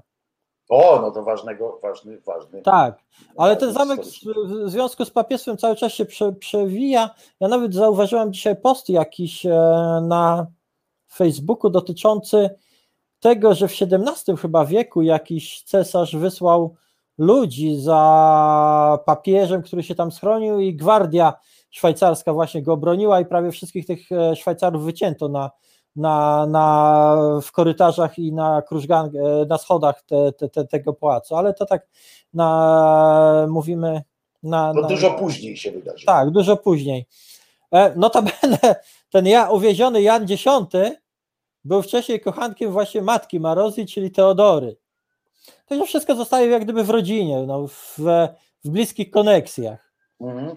No i gdy tam uwieziono tego papieża, no to tak jak mówiłam, e, nie specjalnie przejmowano się jego świętością i nietykalnością, bo papieżowi się za jakiś czas e, zeszło, prawdopodobnie został zamordowany przez to, że go uduszono poduszkami. Chyba nie z, owie, z owieczkiem, ale, ale prawdopodobnie zwykłymi. No. Z owieczkiem może byłoby to bardziej widowiskowe, ale. Humanitarne byłoby bardziej, bo też poduszki z owieczkiem gwarantuję Wam są bardzo e, mięciutkie, bardzo, mięciutkie, bardzo przyjemne no. w dotyku i w zapachu. No i gdy się pozbyła, gdy się pozbyła właśnie jednego papieża, to doprowadziła swoimi intrygami i wpływami do wyboru kolejnego Leona VI. A ten Leon VI niestety pokrzyżował jej plany, bo bardzo szybko umarł. W, też w 929 roku. Niestety. E... Nic tak dobrze nie robi jak reklama, nie? Nie, bo, bo ona, ona miała pewien plan i zaraz do tego planu dojdziemy. E, to pokrzyżowało, ona właśnie miała plan, żeby osadzić swojego domniemanego syna z tym papieżem Sergiuszem III właśnie na papieskim tronie, ale on był jeszcze za młody. Dlatego musiała tam znowu e, po śmierci tego, tego jednego wpłynąć na wybór kolejnego papieża, czyli co ma wisieć nie utonie, wykorzystując, wykorzystując wpływ, swoje wpływy, dokonała wyboru kolejnego papieża, Stefana VII. Czyli wcieliła się, wcieliła się niejako w, w rolę Ducha Świętego, w Ducha nie. Świętego. Ona w konklawę się wcieliła. No właśnie, mówię, bo, bo konklawę y, to po to jest, A, że no tak. ja będę te swoje wtrendy dawał właśnie. Konklawę to jest po to, że przychodzi Duch Święty, rozumiesz, i, i po to oni są zamknięci na A, przykład, tak. żeby tam Duch Święty przyszedł i, i on ich natycha. I tak jak się ostatnio się śmiałem, że skąd siebie, jak z Zenkiem rozmawiałem wczoraj, że, że też nie daje im do, do myślenia to, nic absolutnie, że, że tam odbywa się głosowanie. Część jest za tym, część jest za innym, a w, a w końcu są natychani przez tego samego ducha. I teoretycznie to powinno być tak, że skoro ich na to powiedział, po prostu mógłby tak zagrać jakoś tak uczciwie, nie? Mógłby przyjść i powiedzieć, jak Jarosław Kaczyński, Kaczoboński, mógłby powiedzieć, głosujemy na to, zorganizować coś w rodzaju tej, jak to się nazywa, ta partyjna co to jest, że oni tam muszą głosować tak, jak się tam zażyczyło, tam klubowa jakaś tam ta solidarność. Dyscyplina. Dyscyplinę, Dyscyplina. mógłby wprowadzić dyscyplinę e, e, kardynalską e, i e, nakazać im e, zagłosować za to, a jednak tam się odbywa jakiś, jakiś targ, czyli e, krótko mówiąc, Duch Święty sam ze sobą e, dojść do porozumienia nie może, albo jeszcze negocjuje, nie wiadomo, tam w tej trójcy, jak oni mają, wiesz, może, może jednak to ten Ariusz nie miał racji, bo gdyby miał rację Ariusz, to by te decyzje były takie bardziej e, takie jednoznaczne, tak? A tutaj e, widocznie faktycznie tam muszą we trzech dojść do e, jakiegoś ten biedny Duch Święty jako wysłannik, ambasador, no ma, ma kłopot, wiesz, z ośrodkami decyzyjnymi i, i, i on dostaje sprzeczne informacje i tak dalej. Prawdopodobnie to coś takiego wygląda, a pani albo tym razem po prostu, jak rozumiem, tak, Duch Święty wcielił się, znaczy wstąpił w panią, w panią naszą bohaterkę i po prostu zdecydował tak dosyć jednoznacznie przy użyciu e, różnych tam e, trików, m, prawda, z użyciem poduszek, ale, ale jednak, tak? No, wiesz, czasami trzeba Duchowi Świętemu pomóc, mi się wydaje. No więc on nie jest taki wszechmocny, jak, jakby się mogło wydawać, prawda? No w każdym razie ten Stefan, Stefan VII, siódmy, którego ona pomogła wybrać, trochę dłużej pocieszył się tym swoim papiestwem, bo zmarło mu się dopiero w 931. No to trochę pociągnął. No te prawie trzy lata pociągnął tam na tym tronie papieskim, co i tak nie jest takim złym wynikiem. Na, na przykład pa, pamiętam, że chyba to wśród cesarzy rzymskich e, kilku czy kilkunastu w ciągu jednego roku się zmieniło, też bardzo szybko schodzili z tego świata, ale to trzeba by Był było... jeden papież taki, który nie przeżył drogi między, między wyborem a ogłoszeniem. O, no to papieże jak cesarze dawni. Ktoś tutaj... Aha. Wybrali go, rozumiesz, wyszli, powiedzieli, że on teraz będzie y, cesarzem, ale nie zdążono go e, e, namaścić. No, tak się zdarza. No, Duch Święty jednak zmienił zdanie w locie może i... A jak? No, i powołał go do siebie. Także tego Stefana VII, ósmego, te, siódmego, przepraszam, nie ósmego, siódmego powołał i wtedy już Marozja mogła doprowadzić do tego, do, tej, do czego dążyła od początku, czyli aby do, na papieża wybrać e, swojego domniemanego syna ze związku domniemanego z papieżem Sergiuszem III i został wybrany Jan XI. To nawet ładnie tak. ten- No tak. W międzyczasie, jak tam te fiki-miki odchodziły z wyborami papieża, to zeszło się drugiemu mę- mę- mężowi Marozji i postanowiła ona wyjść za, za trzeciego mężczyznę, a jej wybrankiem został Hugon Zarl. I ich małżeństwo niestety dla Marozji już nie trwało tak e, długo, ponieważ zbiesił się syn e, Marozji z pierwszego małżeństwa, książę Rzymu Alberyk Pie- e, II, który miał najwyraźniej własny pomysł na rządy w Rzymie, ewentualnie na, na, na przyszłość rodu i, i powstał przeciwko matce, uwięził ją, a jej męża Hugona wygnał. Marozja w niewoli pożyła jeszcze parę lat, chyba 5 lat i zmarła w czerwcu 936 roku, a w każdym razie przed końcem roku 937. Natomiast, co jest też ważne i dlaczego o nie wspominamy, jako swoje dziedzictwo pozostawiła kilku kolejnych papieży, ponieważ kilku, kilku, Jak to pięknie brzmi, po, co? po, ponieważ, ponieważ kilku kolejnych papieży było jej potomkami. Tak, e, wi- widzimy, jak e, właśnie kobieta dzięki swoim e, umiejętnościom i wy, wykorzystywaniu odpowiednich wdzięków, koneksji, intryg, No, rządziła jednym z najważniejszych e, miast i dziedzin ówczesnego świata, no bo Rzym naprawdę był ważny. W, Rzy- w Rzymie, do Rzymu musiał się udać właśnie e, ces, e, przyszły cesarz, żeby, żeby papież e, ukoronował go na cesarza. Mimo, że cesarz, cesarz był niemiecki, ale musiał e, po, po to się udać do Rzymu i na przykład nie wszyscy królowie Niemiec zostawali cesarzami, bo na przykład nie zdążyli dojechać do Rzymu. Zdarzało się tak. To wtedy, wtedy były takie czasy, jak pamiętacie z, z Krzyżaków, Danuśka też nie dotarła do, do Spychowa, prawda? Ale u no. progu była, u progu była. Często, często się zdarzało, że tak, tak, tak. choroba, jakiś wypadek, ktoś pomógł wypadku, wypadkowi, ktoś tam e, dźgnął w plecy z zakotary albo dosypał czegoś do wina, no i, no i tak, tak to było. A, a zdarzyło się chyba raz, było tak, że jechał e, e, z synem, co to było takie, że jechał z synem i on tam jechał się koronować na tego cy, cysorza, ale już jak dojechał, to się syn wykoronował. To całkiem możliwe, mnie to by wcale nie zdziwiło. Taka sztafeta pokoleń troszeczkę nastąpiła, że było przyjemnie. I ten syn z kolei odbył pokutę, odbył e, podróż w drugą stronę, bo najpierw został cesarzem rzymskim, a potem dopiero e, królem e, niemieckim. I to było takie, no tam po prostu no, rozrywkowo było. Obiecaliśmy wam, że będzie, że to, była, to był czas, kiedy po prostu rozwiązywano problemy dosyć, dosyć konkretnie. No, nie ma się co, nie było się co tam opindalać. Wyobraźcie sobie, co by dzisiaj taki Kaczoboński robił w tamtych czasach. Ja jestem pewien, co on by robił. On by na pewno, na pewno by był takim, co by podsrywał wszystkim w buty. Nigdy by z nikim nie wyszedł do, do napierdolki takiej zwykłej, nie? To by był taki nie, koleżka. No Wiesz, on miałby, tam...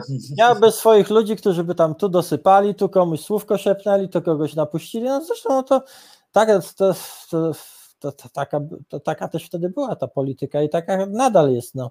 Niestety tylko, ty, ty, tylko nie morduje się ludzi tak, tak e, bezpośrednio. Chociaż też nie do końca. No więc właśnie. A ty, ale powiedz, ile, ile ona miała dzieci, ta, ta mizoginia? Marozja. Marozja. Ona chyba miała czwórkę dzieci, z tego co pamiętam. Zaraz pozwól, że zerknę. Ale z trzech mężów, nie? Bo tam ten pierwszy to chyba z nią nie miał y, y, potomstwa. Y, nie, no właśnie pierwszy miał, bo, bo, bo, bo ten, ten pierwszy syn, Alberek II, to był A, no tak, tak, tak, Rzymu. On, on tak, właśnie, tak, tak. on właśnie tutaj się zbiesił i to na pewno jest, e, e, jest jej syn. No, A... jej to może na pewno, ale jego to No i, i mamy, tego, mamy tego domniemanego syna właśnie z, z tym papieżem. Czy to na pewno był jej syn? E, to nie wiemy. Jeszcze, jeszcze z tym e, drugim Gwidonem miała córkę Bertę Teodorę. Ta chyba Berta Teodora, ona, ona zmarła bezdzietnie. A, ale, ale jak po, po podkreślam, Kilku następnych papieży Duch Święty wybrał tak, że akurat potomkowie Marozji zostali. No, tak. no już jak szło dobrze, no to wiesz, jak dobrze szło, po co, po co mieniać, nie? E, tak. Wiesz, to po prostu, no, po co mieniać, jak, jak, jak coś działa, nie? E, no, po co kombinować tam? Ona była blisko, e, nie ma, nie ma, co, się, nie ma co się tam obcyndalać, ale, ale powiedz mi, a dlaczego to są czasy właśnie, że tam yy, dziwkarstwo i tak dalej, że aż do tego czasu do, no, zostało nas, bo to, że wiesz, to, że tam się... Posłuchaj, jeżeli, jeżeli, jeżeli dotarła do nas e, plotka napisana przez Liutpranda w kronice, to dopiero możesz sobie wyobrazić, jak tam ulice huczały na temat tego, co się, co się ja na tym dworze dzieje. To, że to nie było ani, wiesz, ani jakieś coś wyjątkowe, ani coś bo po pierwsze w tamtych czasach jeszcze e, e, e, oficjalnie się nawet mogli ci papieże bzykać, to, to nie było nic takiego znowu nadzwyczajnego, że gdzieś tam wiesz, dlaczego aż tak to, to co ona jeszcze musiała robić, wiesz, co ona i tam co jej współcześni musieli opindalać, żeby aż tak aż tak zwróciło to uwagę swoją. No, jednak to były kobiety żonate i wiesz, i to nie, nie tak, że papież mógł sobie. A, to bardziej o to chodzi, no, tak, tak. To bardziej tego, a one, a one właśnie, właśnie tutaj e, na temat tej właśnie to, to, to, to, to, dużo właśnie od tego Liutpranda pochodzi, że, że on ta, to, tak e, uznawał to za niemoralne się prowadzenie i, i tego i właśnie taką, ta, ta, no jak porównywał je właśnie do, powiedzmy seksworkerek, no. Ale w Rzymie, A... wiesz, że w Rzymie był, prostytucja była w ogóle oficjalna, tak? To w sensie no to tak, było normalny no. zawód. Tylko wiesz, tylko też nie, nie, nie, nie, nie miejmy takich e, złudzeń, że był to jakiś zawód e, szanowany, czy, czy, czy, czy e, pre, pre, jak gdyby u, uważany za, za no nie, nawet wtedy nie, nie było to zajęcie takie przynoszące chlubie. Zresztą być może Liutprand to w ogóle e, być może, być może on to. Ale wiesz, że się z tobą nie zgadzam. Znaczy w jakim sensie? Bo musimy y, odróżnić prostytucję tą taką, y, nazwijmy ją brzydko tanią, uliczną, a prostytucję tą taką wyższego kalibru. No tak, w, każdej no. w każdej kulturze czy to nazwiemy je kurtyzanami, czy aktorkami, jak kiedyś było, i tak dalej. One miały straszny, potrafiły mieć wielki wpływ na ludzi władzy. Ale to, ja się absolutnie zgadzam. Mało tego, jedna, jedna z cesarzowych bizantyjskich właśnie była aktorką i prawdopodobnie prostytutką i o nie będziemy... No wszystkie aktorki wtedy przy całym szacunku dla dzisiejszego rozumienia, dla dzisiejszego rozumienia E, słowa aktorka. E, wszystkie aktorki wtedy e, były nierządnicami na dzisiejszy ten, no bo to była część ich pracy. I, tak. i zaraz polecimy akazikiem, wszyscy artyści. No ale to część, to była wtedy, no niestety z całym tam szacunkiem dla dzisiejszego rozumienia słowa aktor, aktorka, to wtedy aktorki, bo wiemy, że to nie było to było zajęcie to było zajęcie uznawane e, e, przez e, tak zwane, powszechnie uznawane za niegodne, tak? To, że one miały, osiągały prestiż, że, że miały. Czyli widzisz, sam, sam, tamten, sam mówisz, że było to zajęcie uznawane za niegodne. No przez tak, tłuszcze, tak, tak, przez tłuszcze, ale bo, bo, bo tak zwani notable, pamiętaj, że notable E, e, wiesz, musieli jakoś opanowywać e, tłuszcze, tak? I dla tłuszczy było, było to przedstawiane jako, wiecie, etyczne i tak dalej, nieetyczne i tak etc., a sami wynosili te swoje kurtyzany do, do innej zupełnie roli. One wtedy były kochankami, one wtedy były, to się tak nazywało, różne takie rzeczy. No. No, to też taka, taka jest. Taka gra po prostu była. Taka lekka schiza, wiesz, no yy, i troszeczkę inaczej się oficjalne rzeczy robi, to tak jak zresztą teraz, no wiesz, wycho wychodzi, mówi się oficjalne rzeczy, a na przykład ja tutaj jestem e, osobą konserwatywną, za rodziną, chłopak i dziewczyna, jedyna rodzina, prawda, e, tutaj gender nie będzie nam dyktował i dzieci nam germanił, no, a wiesz, Polak a później, i Polka i dziecięca tak, kolka. A później, a później, a, później, lecimy do Brukseli, zamawiamy całą gejownię impreza, kokaina w plecach i lecimy z koksem, no nie? Także wiesz, to, to... Więc to się, te namiętności nie, zmieniło nie znikają. Tak, namiętności czasów, są te same. Tu kiedyś ładnie powiedziałaś, że musimy pamiętać, że jak zawsze jak rozmawiamy o historii, o historii ludzi, a nie historii tam faktów, tylko ludzi po prostu, to musimy pamiętać, o tym, że namiętności ludzkie i że psychologia człowieka z gruntu jest niezmienna.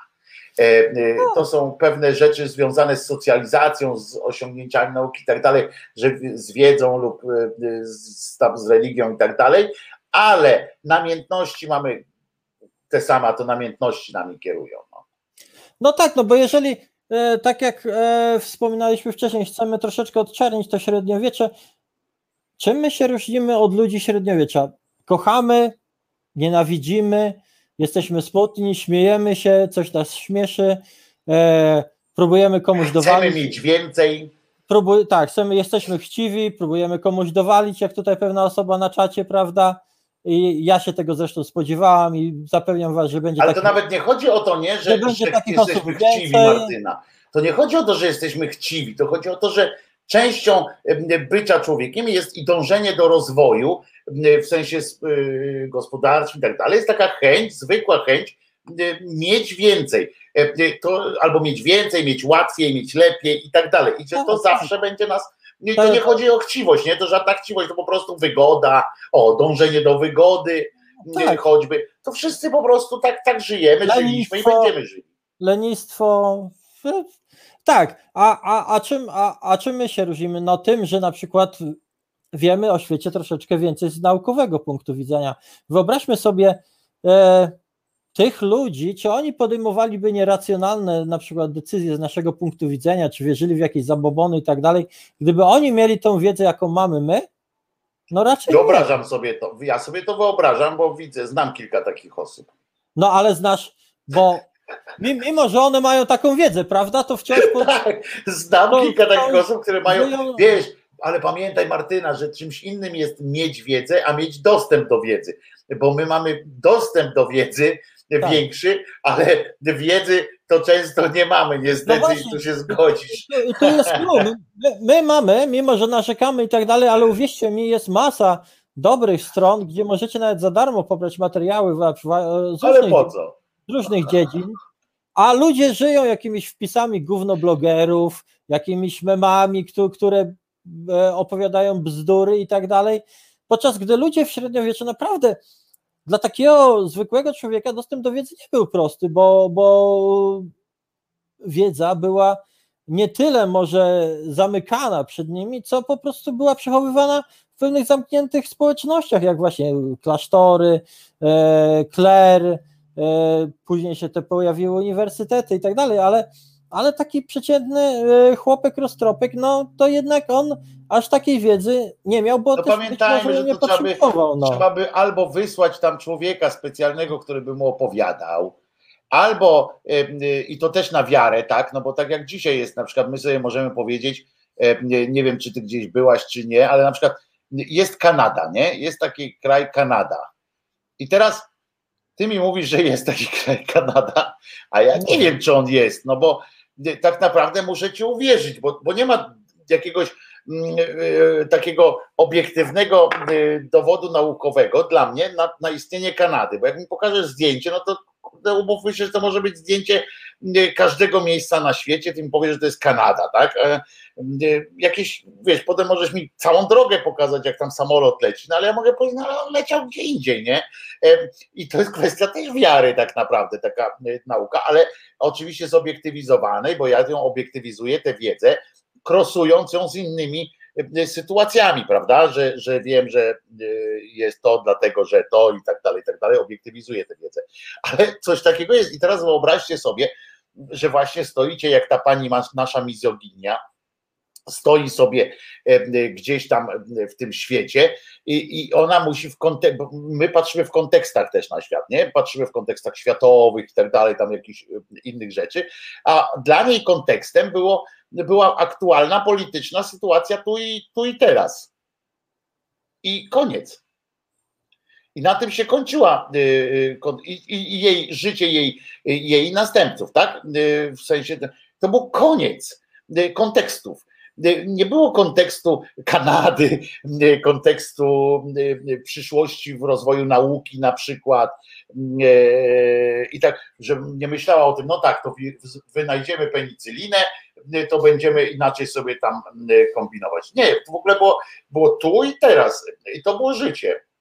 W związku z czym decyzje podejmowało się też dosyć konkretnie, bo się nie, tak mi się wydaje oczywiście, to popraw mnie. Ży, życie, życie, wiesz, no też trzeba wziąć pod uwagę te doświadczenie życiowe, życia, które tak długo wcale nie trwało, no bo, no bo nie oszukujmy się, ci ludzie nie żyli tak długo jak my obecnie, a my mamy jednak czas na zbieranie, jak i przekazywanie doświadczeń znacznie, znacznie dłuższy. Mało tego. No mówisz o tej Kanadzie, ale wy, wy przypuśćmy, że nawet E, jakaś e, znajoma albo ktoś z rodziny Marozji pojechał, pojechał do takiej Hiszpanii, czy tam e, w, w ówczesne tereny, które były Hiszpanią, no to sam list, ile tam musiał iść, jeżeli one na przykład ze sobą korespondowały, no to sama ta My, teraz możemy się od telegrafu, od wynalezienia telegrafu praktycznie bardzo szybko mo mogliśmy się komunikować. Teraz to już w ogóle to jest za, zabójcze tempo i wymiana doświadczeń, wymiana wiedzy, wymiana informacji przebiega z prędkością no może nie światła, ale, ale często w światłowodach i światła. No. Także tutaj jest ogromne, ogromne przyspieszenie, a, a tam no wystarczy... Dlatego mówię, ona sobie żyła w tym Rzymie, i ten Rzym był jej, jej światem. Tak, nie? jej światem, jej władztwem, ona tam rządziła i, i na, najbardziej pewnie ją interesowa, interesowało ewentualnie, jeżeli cesarz się zmienił, że trzeba będzie z tym cesarzem się poukładać, żeby dalej sobie rządzić w tym Rzymie na przykład. No. A dlaczego sama Marozja, którą ja nazywam mizoginią, ale oczywiście, bo to jest piękne imię, by było takie, prawda, mizoginia. Ale e, na ile, dlaczego ta marozja e, akurat stała się, bo tam było więcej takich kobiet w tym, w tym czasie, prawda, gdzieś tam podejrzewam. Dlaczego ona się stała dla ciebie jakimś wyznacznikiem mm, czasu i dlaczego ją pośród tych kobiet wybrałaś? Znaczy, takim, takim wyznacznikiem się, no, czy tych kobiet było więcej? No, była, była jej matka, ale jak, jak mówię, to cała ta rodzina teofilaktów, ona rządziła tym Rzymem przez kilkadziesiąt lat, czyli to jest dosyć długi okres.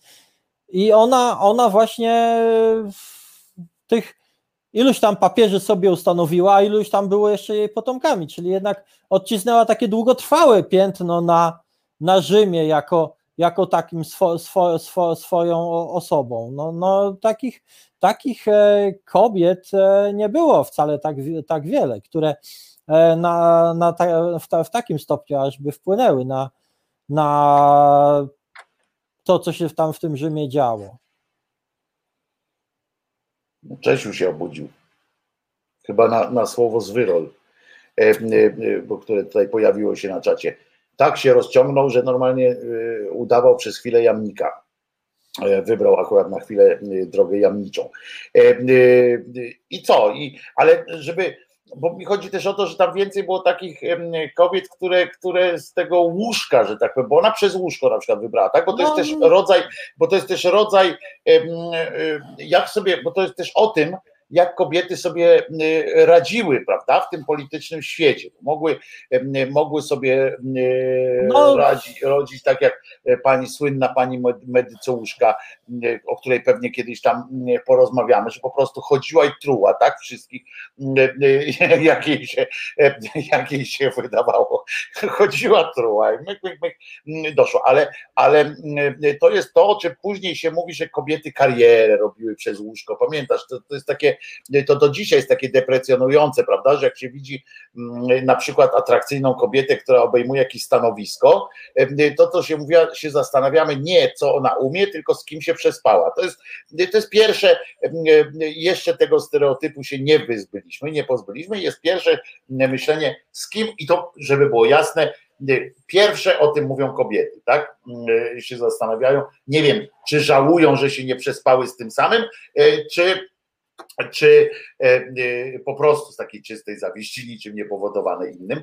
E, ale tak się mówi. Więc teraz można powiedzieć, że ona, ta Marozja, utrzymywała się na świeczniku, bo gdyby, gdyby nie te jej intrygi seksualne, związane z seksem, przepraszam, to nie są intrygi seksualne, tylko tam gdyby nie jej seksualne działania, to co ona by straciła życie, pozycję?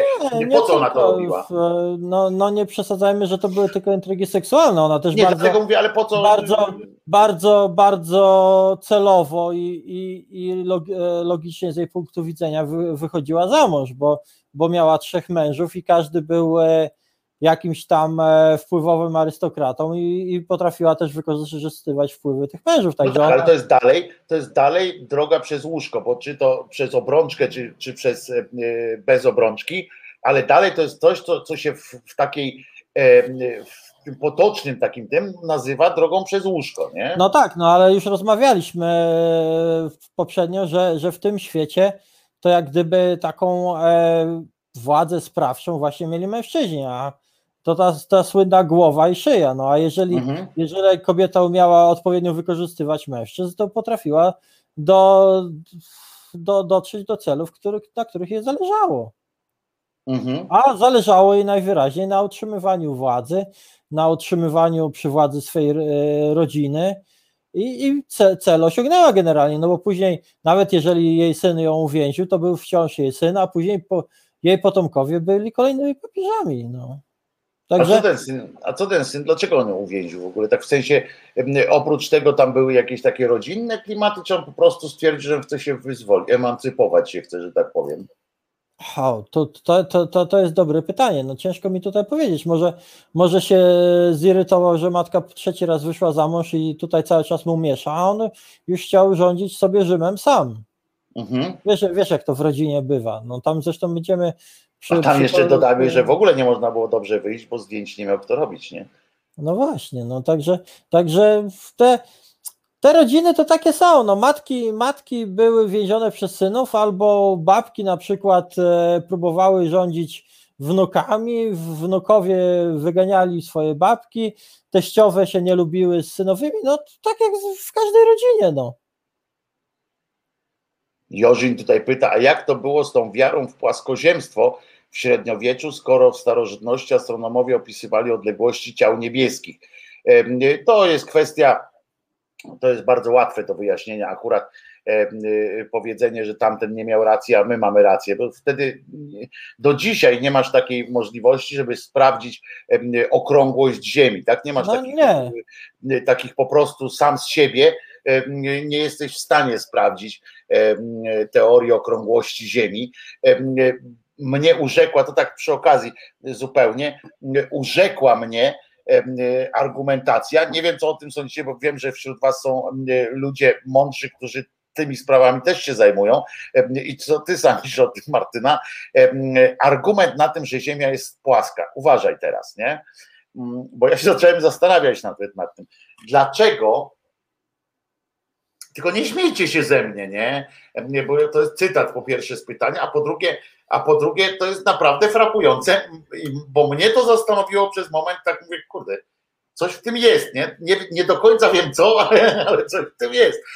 Słuchajcie, jest Ziemia, nie? I ona jest, no nie wiem, okrągła, nie? Dajmy na to, że to jest okrągłe. E, I jest kosmos.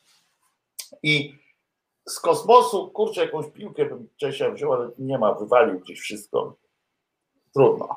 E, I jest kosmos, nie? No i tu jest kosmiczny statek sobie leci, nie? Leci sobie kosmiczny statek. I tam te rakieta, nie? Wystrzeliła już na powyżej orbity i tak dalej, nie? I tam leci. I teraz mamy sprzęt, który, który może robić zdjęcia do kieszeni może ci zajrzeć i y, sprawdzić, y, jaki masz, ile masz w portfelu i tak dalej, nie? Te, te, te jakość tych y, satelitów i tak dalej. I teraz uważajcie, jest pytanie, dlaczego nie ma ani jednego zdjęcia zrobionego z tego, z tego statku kosmicznego, nie tej części, tak po prostu, tylko z tego kąta, jak tu jest, tej części, tutaj, że ci ludzie chodzą do góry nogami. W sensie, jak to jest kula, nie? To czemu nikt nie zrobił z tej, z tej odległości, to jest zdjęcia, skoro można zrobić z kosmosu zdjęcie ryby, to dlaczego nikt nie zrobił zdjęcia takiego, na którym widać kąt padania i że tutaj jest człowiek? Nie wiem. Nie śmiejcie się ze mnie, ja się po prostu e, z logicznego, ja jestem głęboko osadzony w, w filozofii średniowiecza i tak dalej, kiedy zadawano sobie takie pytania właśnie tego typu, e, e, dlaczego coś tam, wiecie, te niemożliwość ruchu, tak, bo nie może być w określonym czasie przesunięcia o w nieokreślonej, w niezliczonej ilości odcinków, tak? W określonym czasie strzała nie może przebyć niezliczonej ilości odcinków, w związku z czym nie jest w stanie dolecieć do, do tarczy, teoretycznie. Widzimy, że ona dociera, ale fizycznych podstaw, znaczy względem filozofii nie ma. Więc tak samo jak usłyszałem to pytanie, muszę wam powiedzieć, że tak usiadłem i mówię, what the fuck? I to są pytania, które tak naprawdę napędzają, podejrzewam, te płaskoziemskie takie te klimaty, bo, bo jak spojrzę się na tym potem, przyznam szczerze, żeby było jasne, e, e, przyznam szczerze, że się nie zastanawiałem aż tam dłużej, tak, że to nie było tak, że tam zacząłem śledzić to, ale pamiętam to wrażenie, że to pytanie zrobiło na mnie wrażenie.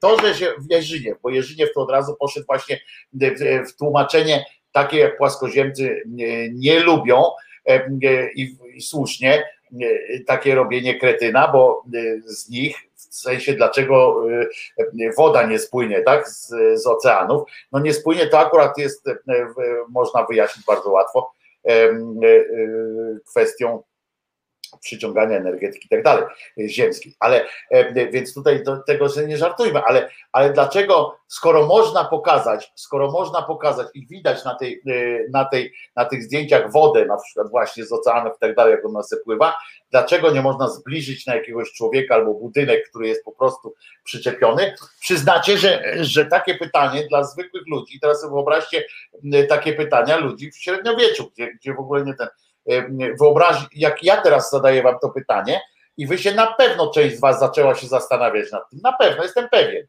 że część z was szuka teraz nerwowo wyjaśnienia, dlaczego nie ma takiego zdjęcia, nie? Jak na takim zdjęciu miała być widoczna kulistość Ziemi? Nie, to nie chodzi o kulistość Ziemi, chodzi o to, że jak masz zdjęcie z pewnego, z pewnego kąta, to siłą rzeczy na odpowiednim zbliżeniu część ludzi powinna mieć głowy w dół. Nie wiem, ja, się, ja po prostu wam też mówię, że zadano takie pytanie i ja zacząłem i pojawiłem, ja nie zbadałem tego i być może tam jest proste wyjaśnienie, że, ale trzeba go znaleźć. A ile ludzi będzie chciało znajdować takie, takie wyjaśnienie, a ile osób zawiesi się na tym i powie, no tak, nie ma zdjęcia, koniec, ziemia jest płaska, nie? Że to wszystko jest mit, e, e, spisek koncernów i tak dalej. Zobaczcie, kiedy jest proste i teraz sobie przenieście właśnie na te średniowiecze, kiedy takich pytań były miliardy mogły być wtedy o, o, o, rzeczy, e, o rzeczach, o których my teraz w ogóle się nie zastanawiamy, bo dla nas to jest oczywiste. A wtedy byście weszli i powiedzieli, no a skąd to się wzięło? I oni wtedy, odpowiedzią wtedy najprostszą, bo to wam powiedziałem, mózg jak jest zbudowany tak, który idzie e, e, najprostszą e, drogą i będzie zawsze szukał prostych rozwiązań.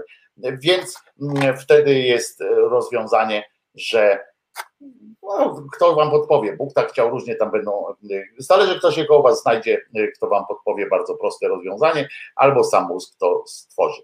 Satelita robi zdjęcia prostopadłe do powierzchni.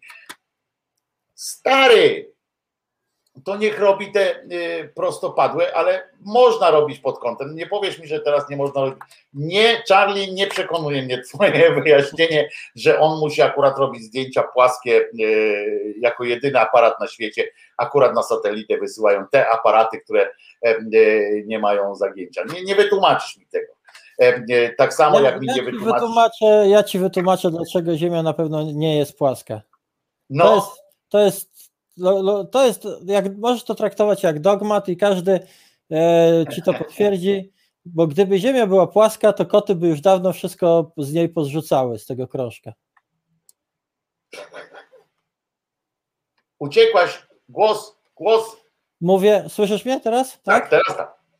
Mówię, gdyby Ziemia była płaska, to koty by już dawno z tego krążka wszystko pozrzucały. To jest prawda, to jest prawda, ale zobaczcie, jak łatwo jest wrzucać takie, e, takie rzeczy, które, które po prostu gdzieś powodują takie zastanawianie się. Tam są proste odpowiedzi prawdopodobnie. Tu jak Małpiak choćby napisał, proszę bardzo, nie ma możliwości zrobienia takiego zdjęcia, bo te zdjęcia precyzyjne są zawsze wycinkiem przy użyciu soczewek i zbliżeń. Na zdjęciach kuli ziemskiej nawet Himalajów nie zobaczysz.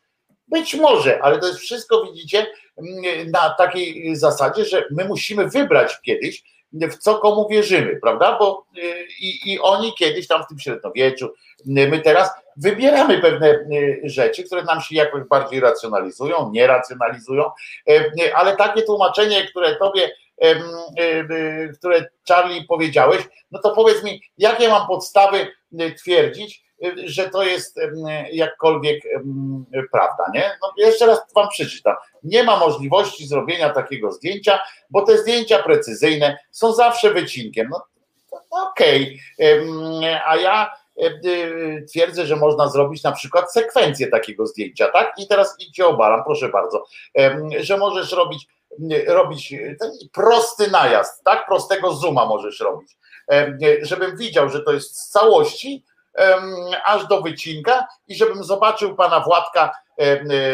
rozumiesz, głową do dołu. Na przykład, to są tego typu gadki, żeby było jasne, to jest gadka y, ślepego z głuchym o kolorach, tak? Bo, bo ja nie mam żadnej podstawy takiej, żeby, żeby coś tam odwracać, tylko mówię o tym, jak, jak przebiegają takie, takie toki myślowe i skąd się bierze, dlatego nie należy się śmiać od razu z ludzi płaskoziemców i tak dalej. Gorzej ci, co robią nam wszystkim krzywdę, tak? Na przykład mówią, żeby się nie szczepić, nie, albo na przykład nie, nie brać maseczki i tak dalej, bo nie ma czegoś. Ale pamiętajcie, że część ludzi zadaje sobie pytania podstawowe, na które odpowiedzi kurczę są nie takie dla was, jak nam przeczytaliście tysiąc książek, zobaczyliście dwa tysiące filmów o tym dokumentalnych, rozmawialiście z profesorami, to są być może jasne, albo nie spaliście na tej lekcji fizyki e, na przykład, ale większość ludzi, przypominam, na lekcji fizyki spała. E, to jest pewne po prostu. Nie, nie, nie zanudziłem cię swoimi, swoimi wątpliwościami, Martyna? Nie. No, nie, tak a, ja, a, ja tylko, a ja tylko powiem, że większość ludzi też zazwyczaj śpi na lekcjach historii, dlatego później mówią, że nieco Słowianach nie było na tych lekcjach. Aczkolwiek chyba zgodzisz się ze mną, że fakt, iż, jak to mówią, iż polskie dzieci znają całą E, całą tą e, panteon grecki, etc. i w ogóle potrafią o niciach Ariadny tygodniami opowiadać, a nie potrafią wymienić kilku imion czy nazwisk, choćby legendarnych, bo przecież tam i Zeus i te wszystkie to są legendy, a nie prawdy historyczne, no to przyznasz, że to jest trochę, że to jednak nieco urąga. Ale, ale, ale ja właśnie tutaj e, e, kręcę znajomą, taką, którą być może uda się zaprosić do programu i właśnie poświęcimy program Dlaczego o Słowianach nie uczą w szkołach? Nie, no to, to, to są, wiadomo, że ktoś jak się. Jak A nie, bo to, bo to pytanie i te, te, ta problematyka bardzo często się przejawia i ona, ona nawet e, prowadzi takie podcasty, na, na, miała podcast na mhm. ten temat i bardzo fajnie myślę o tym porozmawiamy na temat e, dlaczego ta te wierzenia, kultura Słowian, ich historia gdyby są tak słabo znane i czy rzeczywiście są słabo znane, czy rzeczywiście są pomijane, trochę, trochę, trochę jak gdyby odczernimy ten obraz, e, może troszeczkę troszeczkę zrobimy, zrobimy tutaj e, bardziej, Bardzo proszę. bardziej jasne. Ale to, Niedługo to będziemy mogli Martyna zapraszać też dodatkowych gości. no dlatego właśnie, Tak, właśnie, jak widzisz sprzęcik coraz lepiej, coraz płynniej działa i nie ma problemów, a już niedługo jak ten stanie ten nowy, ten co się teraz e, od, e, od który się czyści tam od, od zabezpieczeń, to będzie można już wiesz, robić. A ja jeszcze a ja, tylko, a ja tylko jeszcze dodam, uważajcie z tym sprawdzaniem płaskiej ziemi, bo jakiś czas temu, o ile pamiętam, chyba Amerykanin jakiś e, wybrał się w podróż balonem e, w stratosferę, tak. w stratosferę, żeby udowodnić właśnie, że Ziemia jest płaska i niestety mu się, mu się spadło, także nie róbcie, mu się, tak, nie, róbcie tego w domu, to, to, to czasami lepiej jednak wierzyć lub nie wierzyć, coś policzyć niż, niż e, sprawdzać organoleptycznie, jak to mówią. Tak, tak, tak. A poza tym, a poza tym, y, tak po polsku czysto, co wam kurwa zależy, nie? Y, y, jest ziemia jest okrągła. Czy coś ci przeszkadza, nie? Czy coś ci przeszkadza w tym, że jest okrągła? Co to zmieni w postaci, że jest płaska czy okrągła? Mnie przekonuje tyle, że do tego, do okrągłości, między innymi to, że musi być okrągła, żeby się to wszystko pomieściło jakoś tutaj, nie? A to głupi taki argument pod z dupy, teraz go wymyśliłem. E, e, e, no trudno. A Państwo pytają, kto dzisiaj będzie wieczorem? Będzie wieczorem o 21 podsumowanie tygodnia, nie wywiad taki tamten jak z Wojtkiem Wojdą w zeszłym tygodniu, tylko podsumowanie spróbujemy zrobić trochę radosne. Nie wiem, czy kojarzycie taką panią, możecie zadawać jej pytania, możecie no, nawet trochę obsobaczać, jeżeli będziecie na to mieli ochotę. Superniania, pamiętacie taką, taką panią, Dorota Zawadzka, ulubienica mediów Kurskiego, między innymi za to, że kiedyś wypowiedziała się, że nie może się na plażę dostać, bo 500 plus wszyscy przyjechali na plażę i, i drą japy. Oczywiście to zostało zwulgaryzowane tej odpowiedzi i tak dalej. Nic nie miała wspólnego z tym, co ona napisała, ale już do legendy przeszło i koniec. Wojtko, to kwestia wyobraźni także. Są ludzie, nierozumiejący bryły typu kula. To też prawda. Trudno to sobie wyobrazić. Wiesz, że jeszcze nie powiedzieliśmy o świętej, ale to od tego zaczniemy w przyszłym tygodniu, bo święta święta jest koniecznie, a tu jest, dzisiaj już jest godzina 13.13, 13, prawie jak numer tej taksówki w zmiennikach. O, już 14. E, e, bo znowu ci przeszkadzałem. Mam nadzieję, że nie było aż tak źle. Nie, starałem się nie przeszkadzać jakoś strasznie. Przeszkadzałem Święto, bardzo? Święto, nie, nie, nie było tak źle. Świętą dokończymy w przyszłym tygodniu, a ja postaram się też właśnie przygotować ten temat z innego kontynentu, z innej kultury i być może jako z Tobą medioznawcą porozmawiamy na współczesne widzenie mediów, filmu, popkultury przez pryzmat e, i tych filmów historycznych przez pryzmat obsadzania aktorami. Także, także porozmawiamy, umówimy się na ten temat, bo to, bo to będzie kontrowersyjne pewnie i, i porozmawia, porozmawiajmy jak to, jak to wygląda i dlaczego, dlaczego wzbudza takie emocje. Niech będzie. Mam nadzieję, że się uda i, i, i będzie. Ale zaczniemy od świętej, dobrze? Zaczniemy, zaczniemy od świętej, tak, tak. Zaczniemy została, od świętej, bo święta jest koniec. Została nam święta. A kiedy o medycynie jeszcze pyta Ewa? E, e, e, ja bym do medycyny poczekał, jak będziemy mogli jeszcze też jednego gościa wprowadzić, bo znam też kogoś, kto, kto nam tu chętnie dopowie, będzie dopowiadał szczegóły, tak jak będziemy mówili o pewnych rzeczach, to nam dopowie, jak faktycznie wyglądała na przykład zdejmowanie katarakty z oka, bo ma na przykład zdjęcia tych narzędzi, znaczy niektóre narzędzia się uchowały, a niektóre narzędzia po prostu są odtworzone tak, z, z, z jakichś opowiadań, to muszę wam powiedzieć, że nie poszlibyście tak chętnie do lekarza nie, dzisiaj, z dzisiejszą wiedzą, jakbyście zobaczyli, co on tam roz, rozkłada na stole.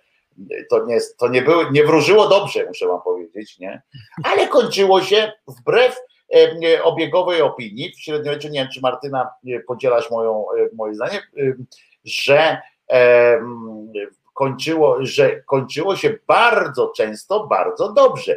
E, e, zadziwiające, że nie przeszło do historii jakaś taka opowieść o tym, że był doktor rzeźnik, nie? Typu, że właśnie coś się to, nagminnie nie udawało. Tak? To, też, to też jest taki, my, my patrzymy właśnie na średniowiecze też przez pewien pryzmat, no rzeczywiście tam pojawiają się jakieś, za, jakieś dziwne rzeczy, na przykład przy połogach je głównie stosowano okłady z czegoś tam, e, tego typu rzeczy, ale na przykład w podręczniku takiej szkoły po, położniczej we Włoszech też, e, też opisano, jak położna powinna w przypadku złego ułożenia dziecka e, wcześniej namoczywszy rękę w odpowiednim w odpowiednim płynie, czy, czy to coś było. W każdym razie coś, co powodowało, że ta ręka śliska jest, że mogła włożyć e, dłoń po prostu kobiecie mhm. i odpowiednio, odpowiednio ułożyć noworodka do, do, do połogu. No to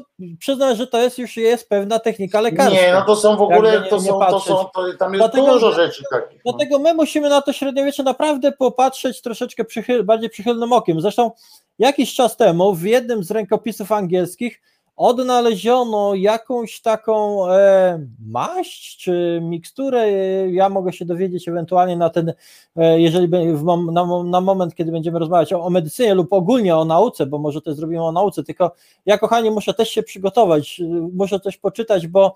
Dlatego ja, mówię, medycyna to jest. To jest, to jest... Mam wiedzę ogólną, jakąś tam. Tak, tak a, do każdej takiej A te procedury audycji, medyczne, tak, procedury medyczne tak wymagają konkretnych... Muszę, muszę się przygotować, coś przeczytać, a mi jest ciężko, bo ja naprawdę pracuję pięć nocy w tygodniu i widzicie, ja tutaj dla was wciąż jestem, walczę, ale zaraz pójdę spać. I, i dlatego to, to, to nie jest takie proste, że ja nie mam czasu jak większość blogerów na YouTubie, że sobie siedzę, czytam książkę, przygotowuję program raz w tygodniu i, i, i po prostu mam wiedzę. No, No, no dlatego trochę- mówię, to a poza tym, poza, tym, poza tym obiektywnie o, o tej medycynie to, to mm, wymaga to też czasami komentarza kogoś, kto... Specjalisty, e, kogoś, tak, komentarza ktoś, kto porówna na przykład z ówczesną technikę z dzisiejszą, prawda? Jak, e, co z tamtej techniki zostało, e, na przykład co e, dzięki czemu my to dzisiaj mm, lubimy. A tu Andrzej jeszcze napisał e, poprawkę,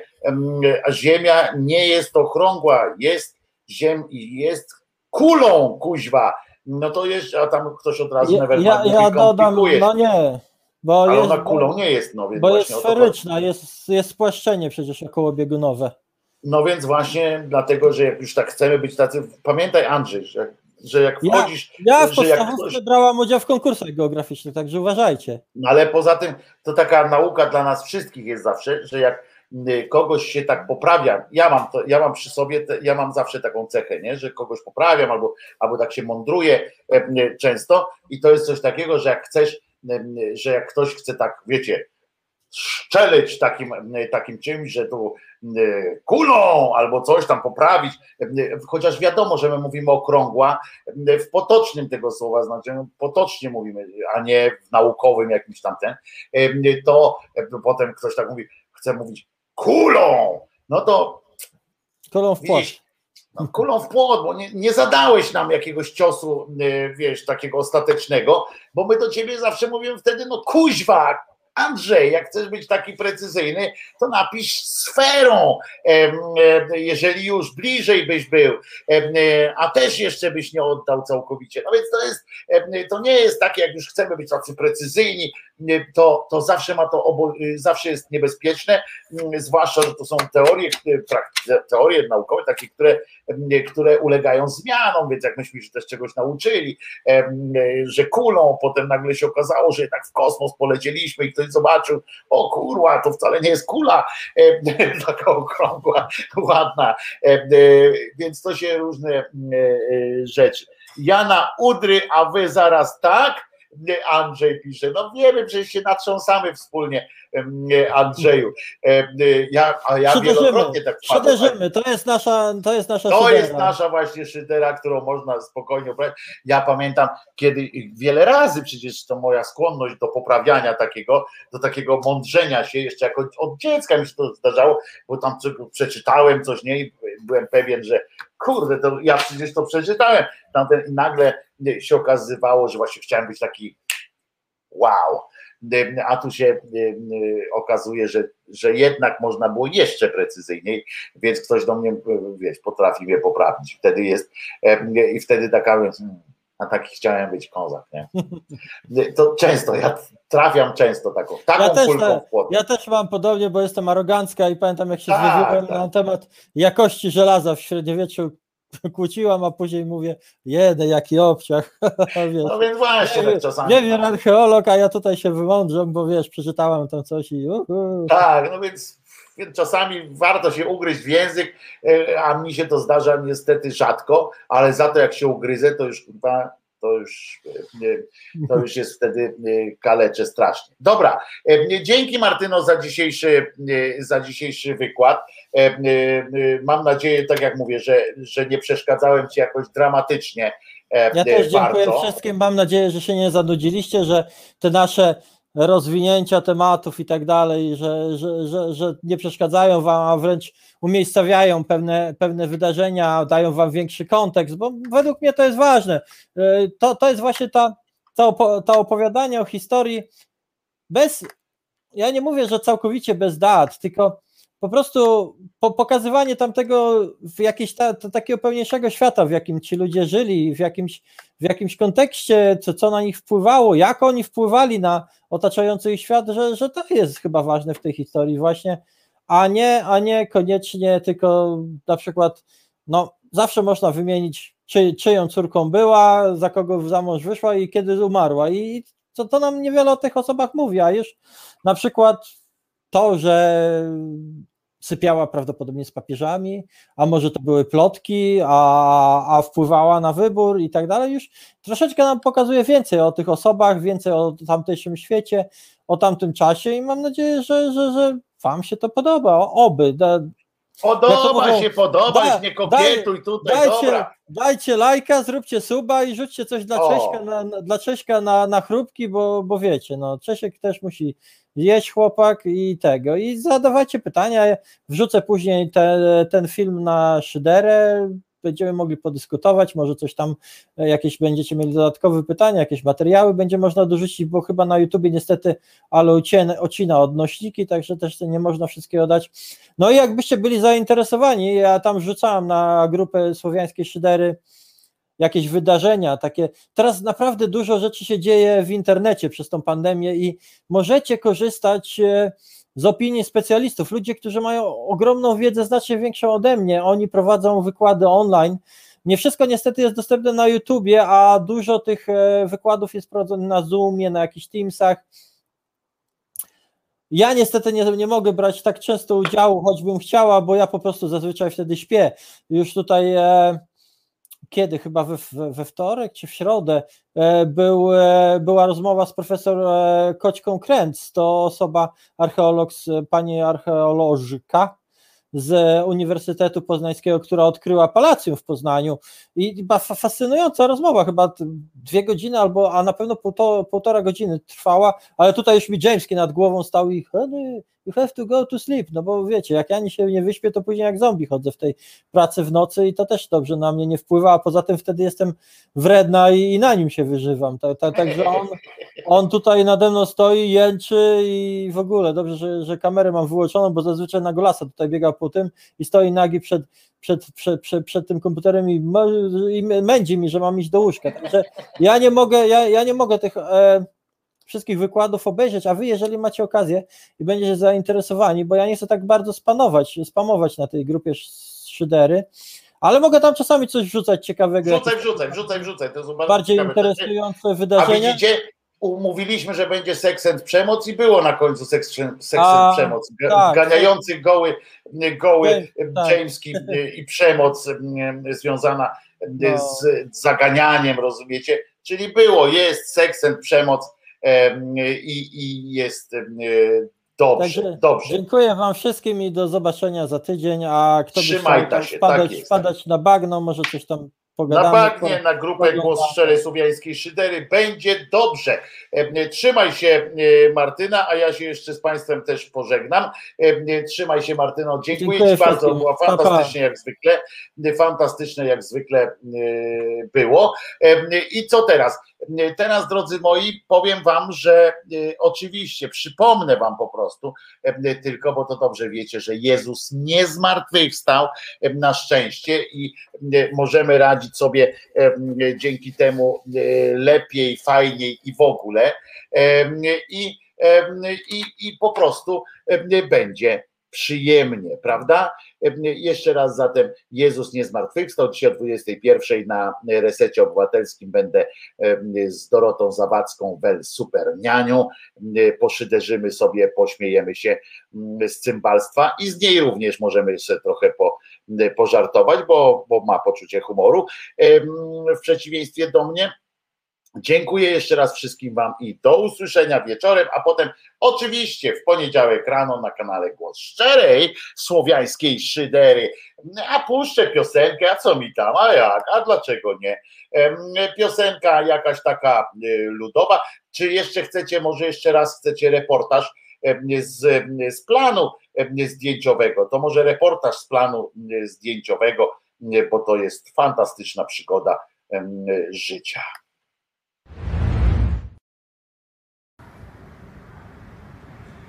Chcieliście reportaż z planu polskiego serialu? Proszę bardzo. Oto i on, plan. Życie.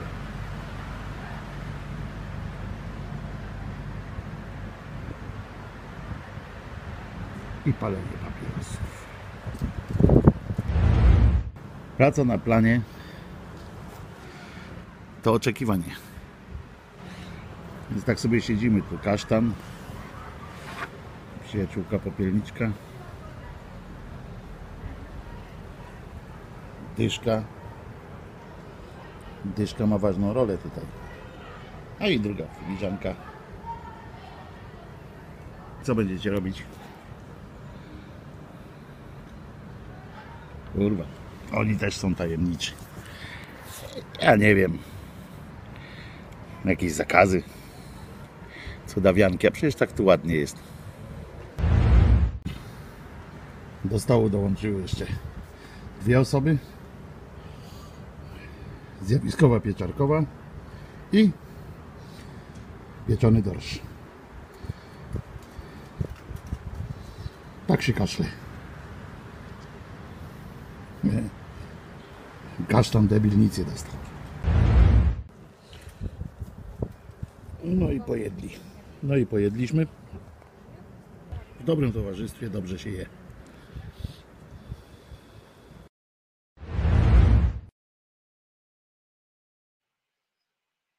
Skoro pojedliśmy, no to sobota jest, to zaśpiewajmy wspólnie piosenkę o gilach złocistych, tak jest.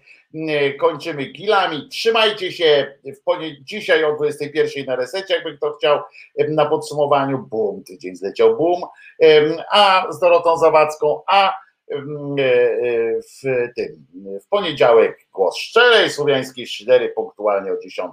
Nara, gile. Gdy jestem, gdy sam zostaję na chwilę, palce me zaraz sięgają po gile.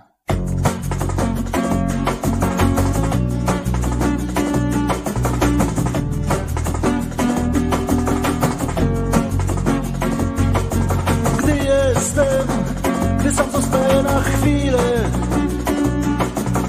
palce zaraz sięgają po kile. Języczkiem muskam tych kili powierzchnię i pakuję do buzi ile zmieszczę. Cium, ciam, nigdy nie łykam w całości. Gryzę je, znajdując w tym moc przyjemności.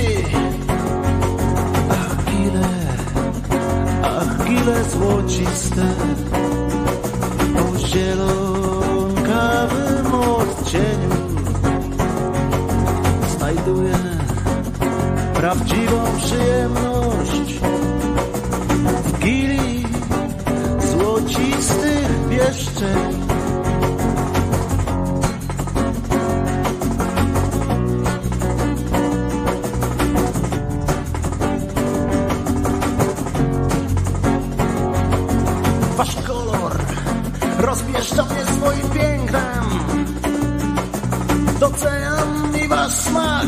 Konsystencję.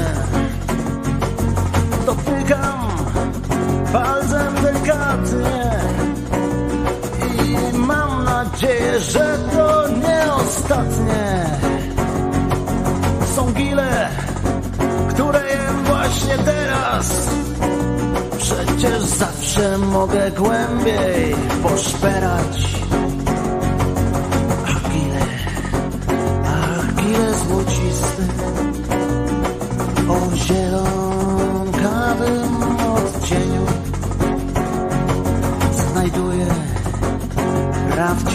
Przyjemność. W gili złocistych jedzeniu.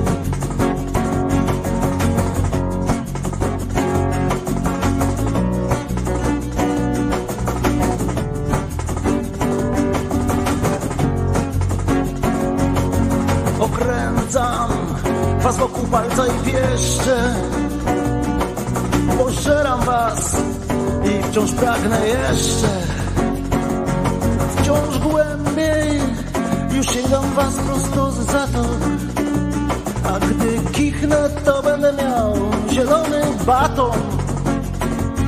I spożyję go tak jak inni prync polo. Ja uwielbiam i smak wasz i kolor.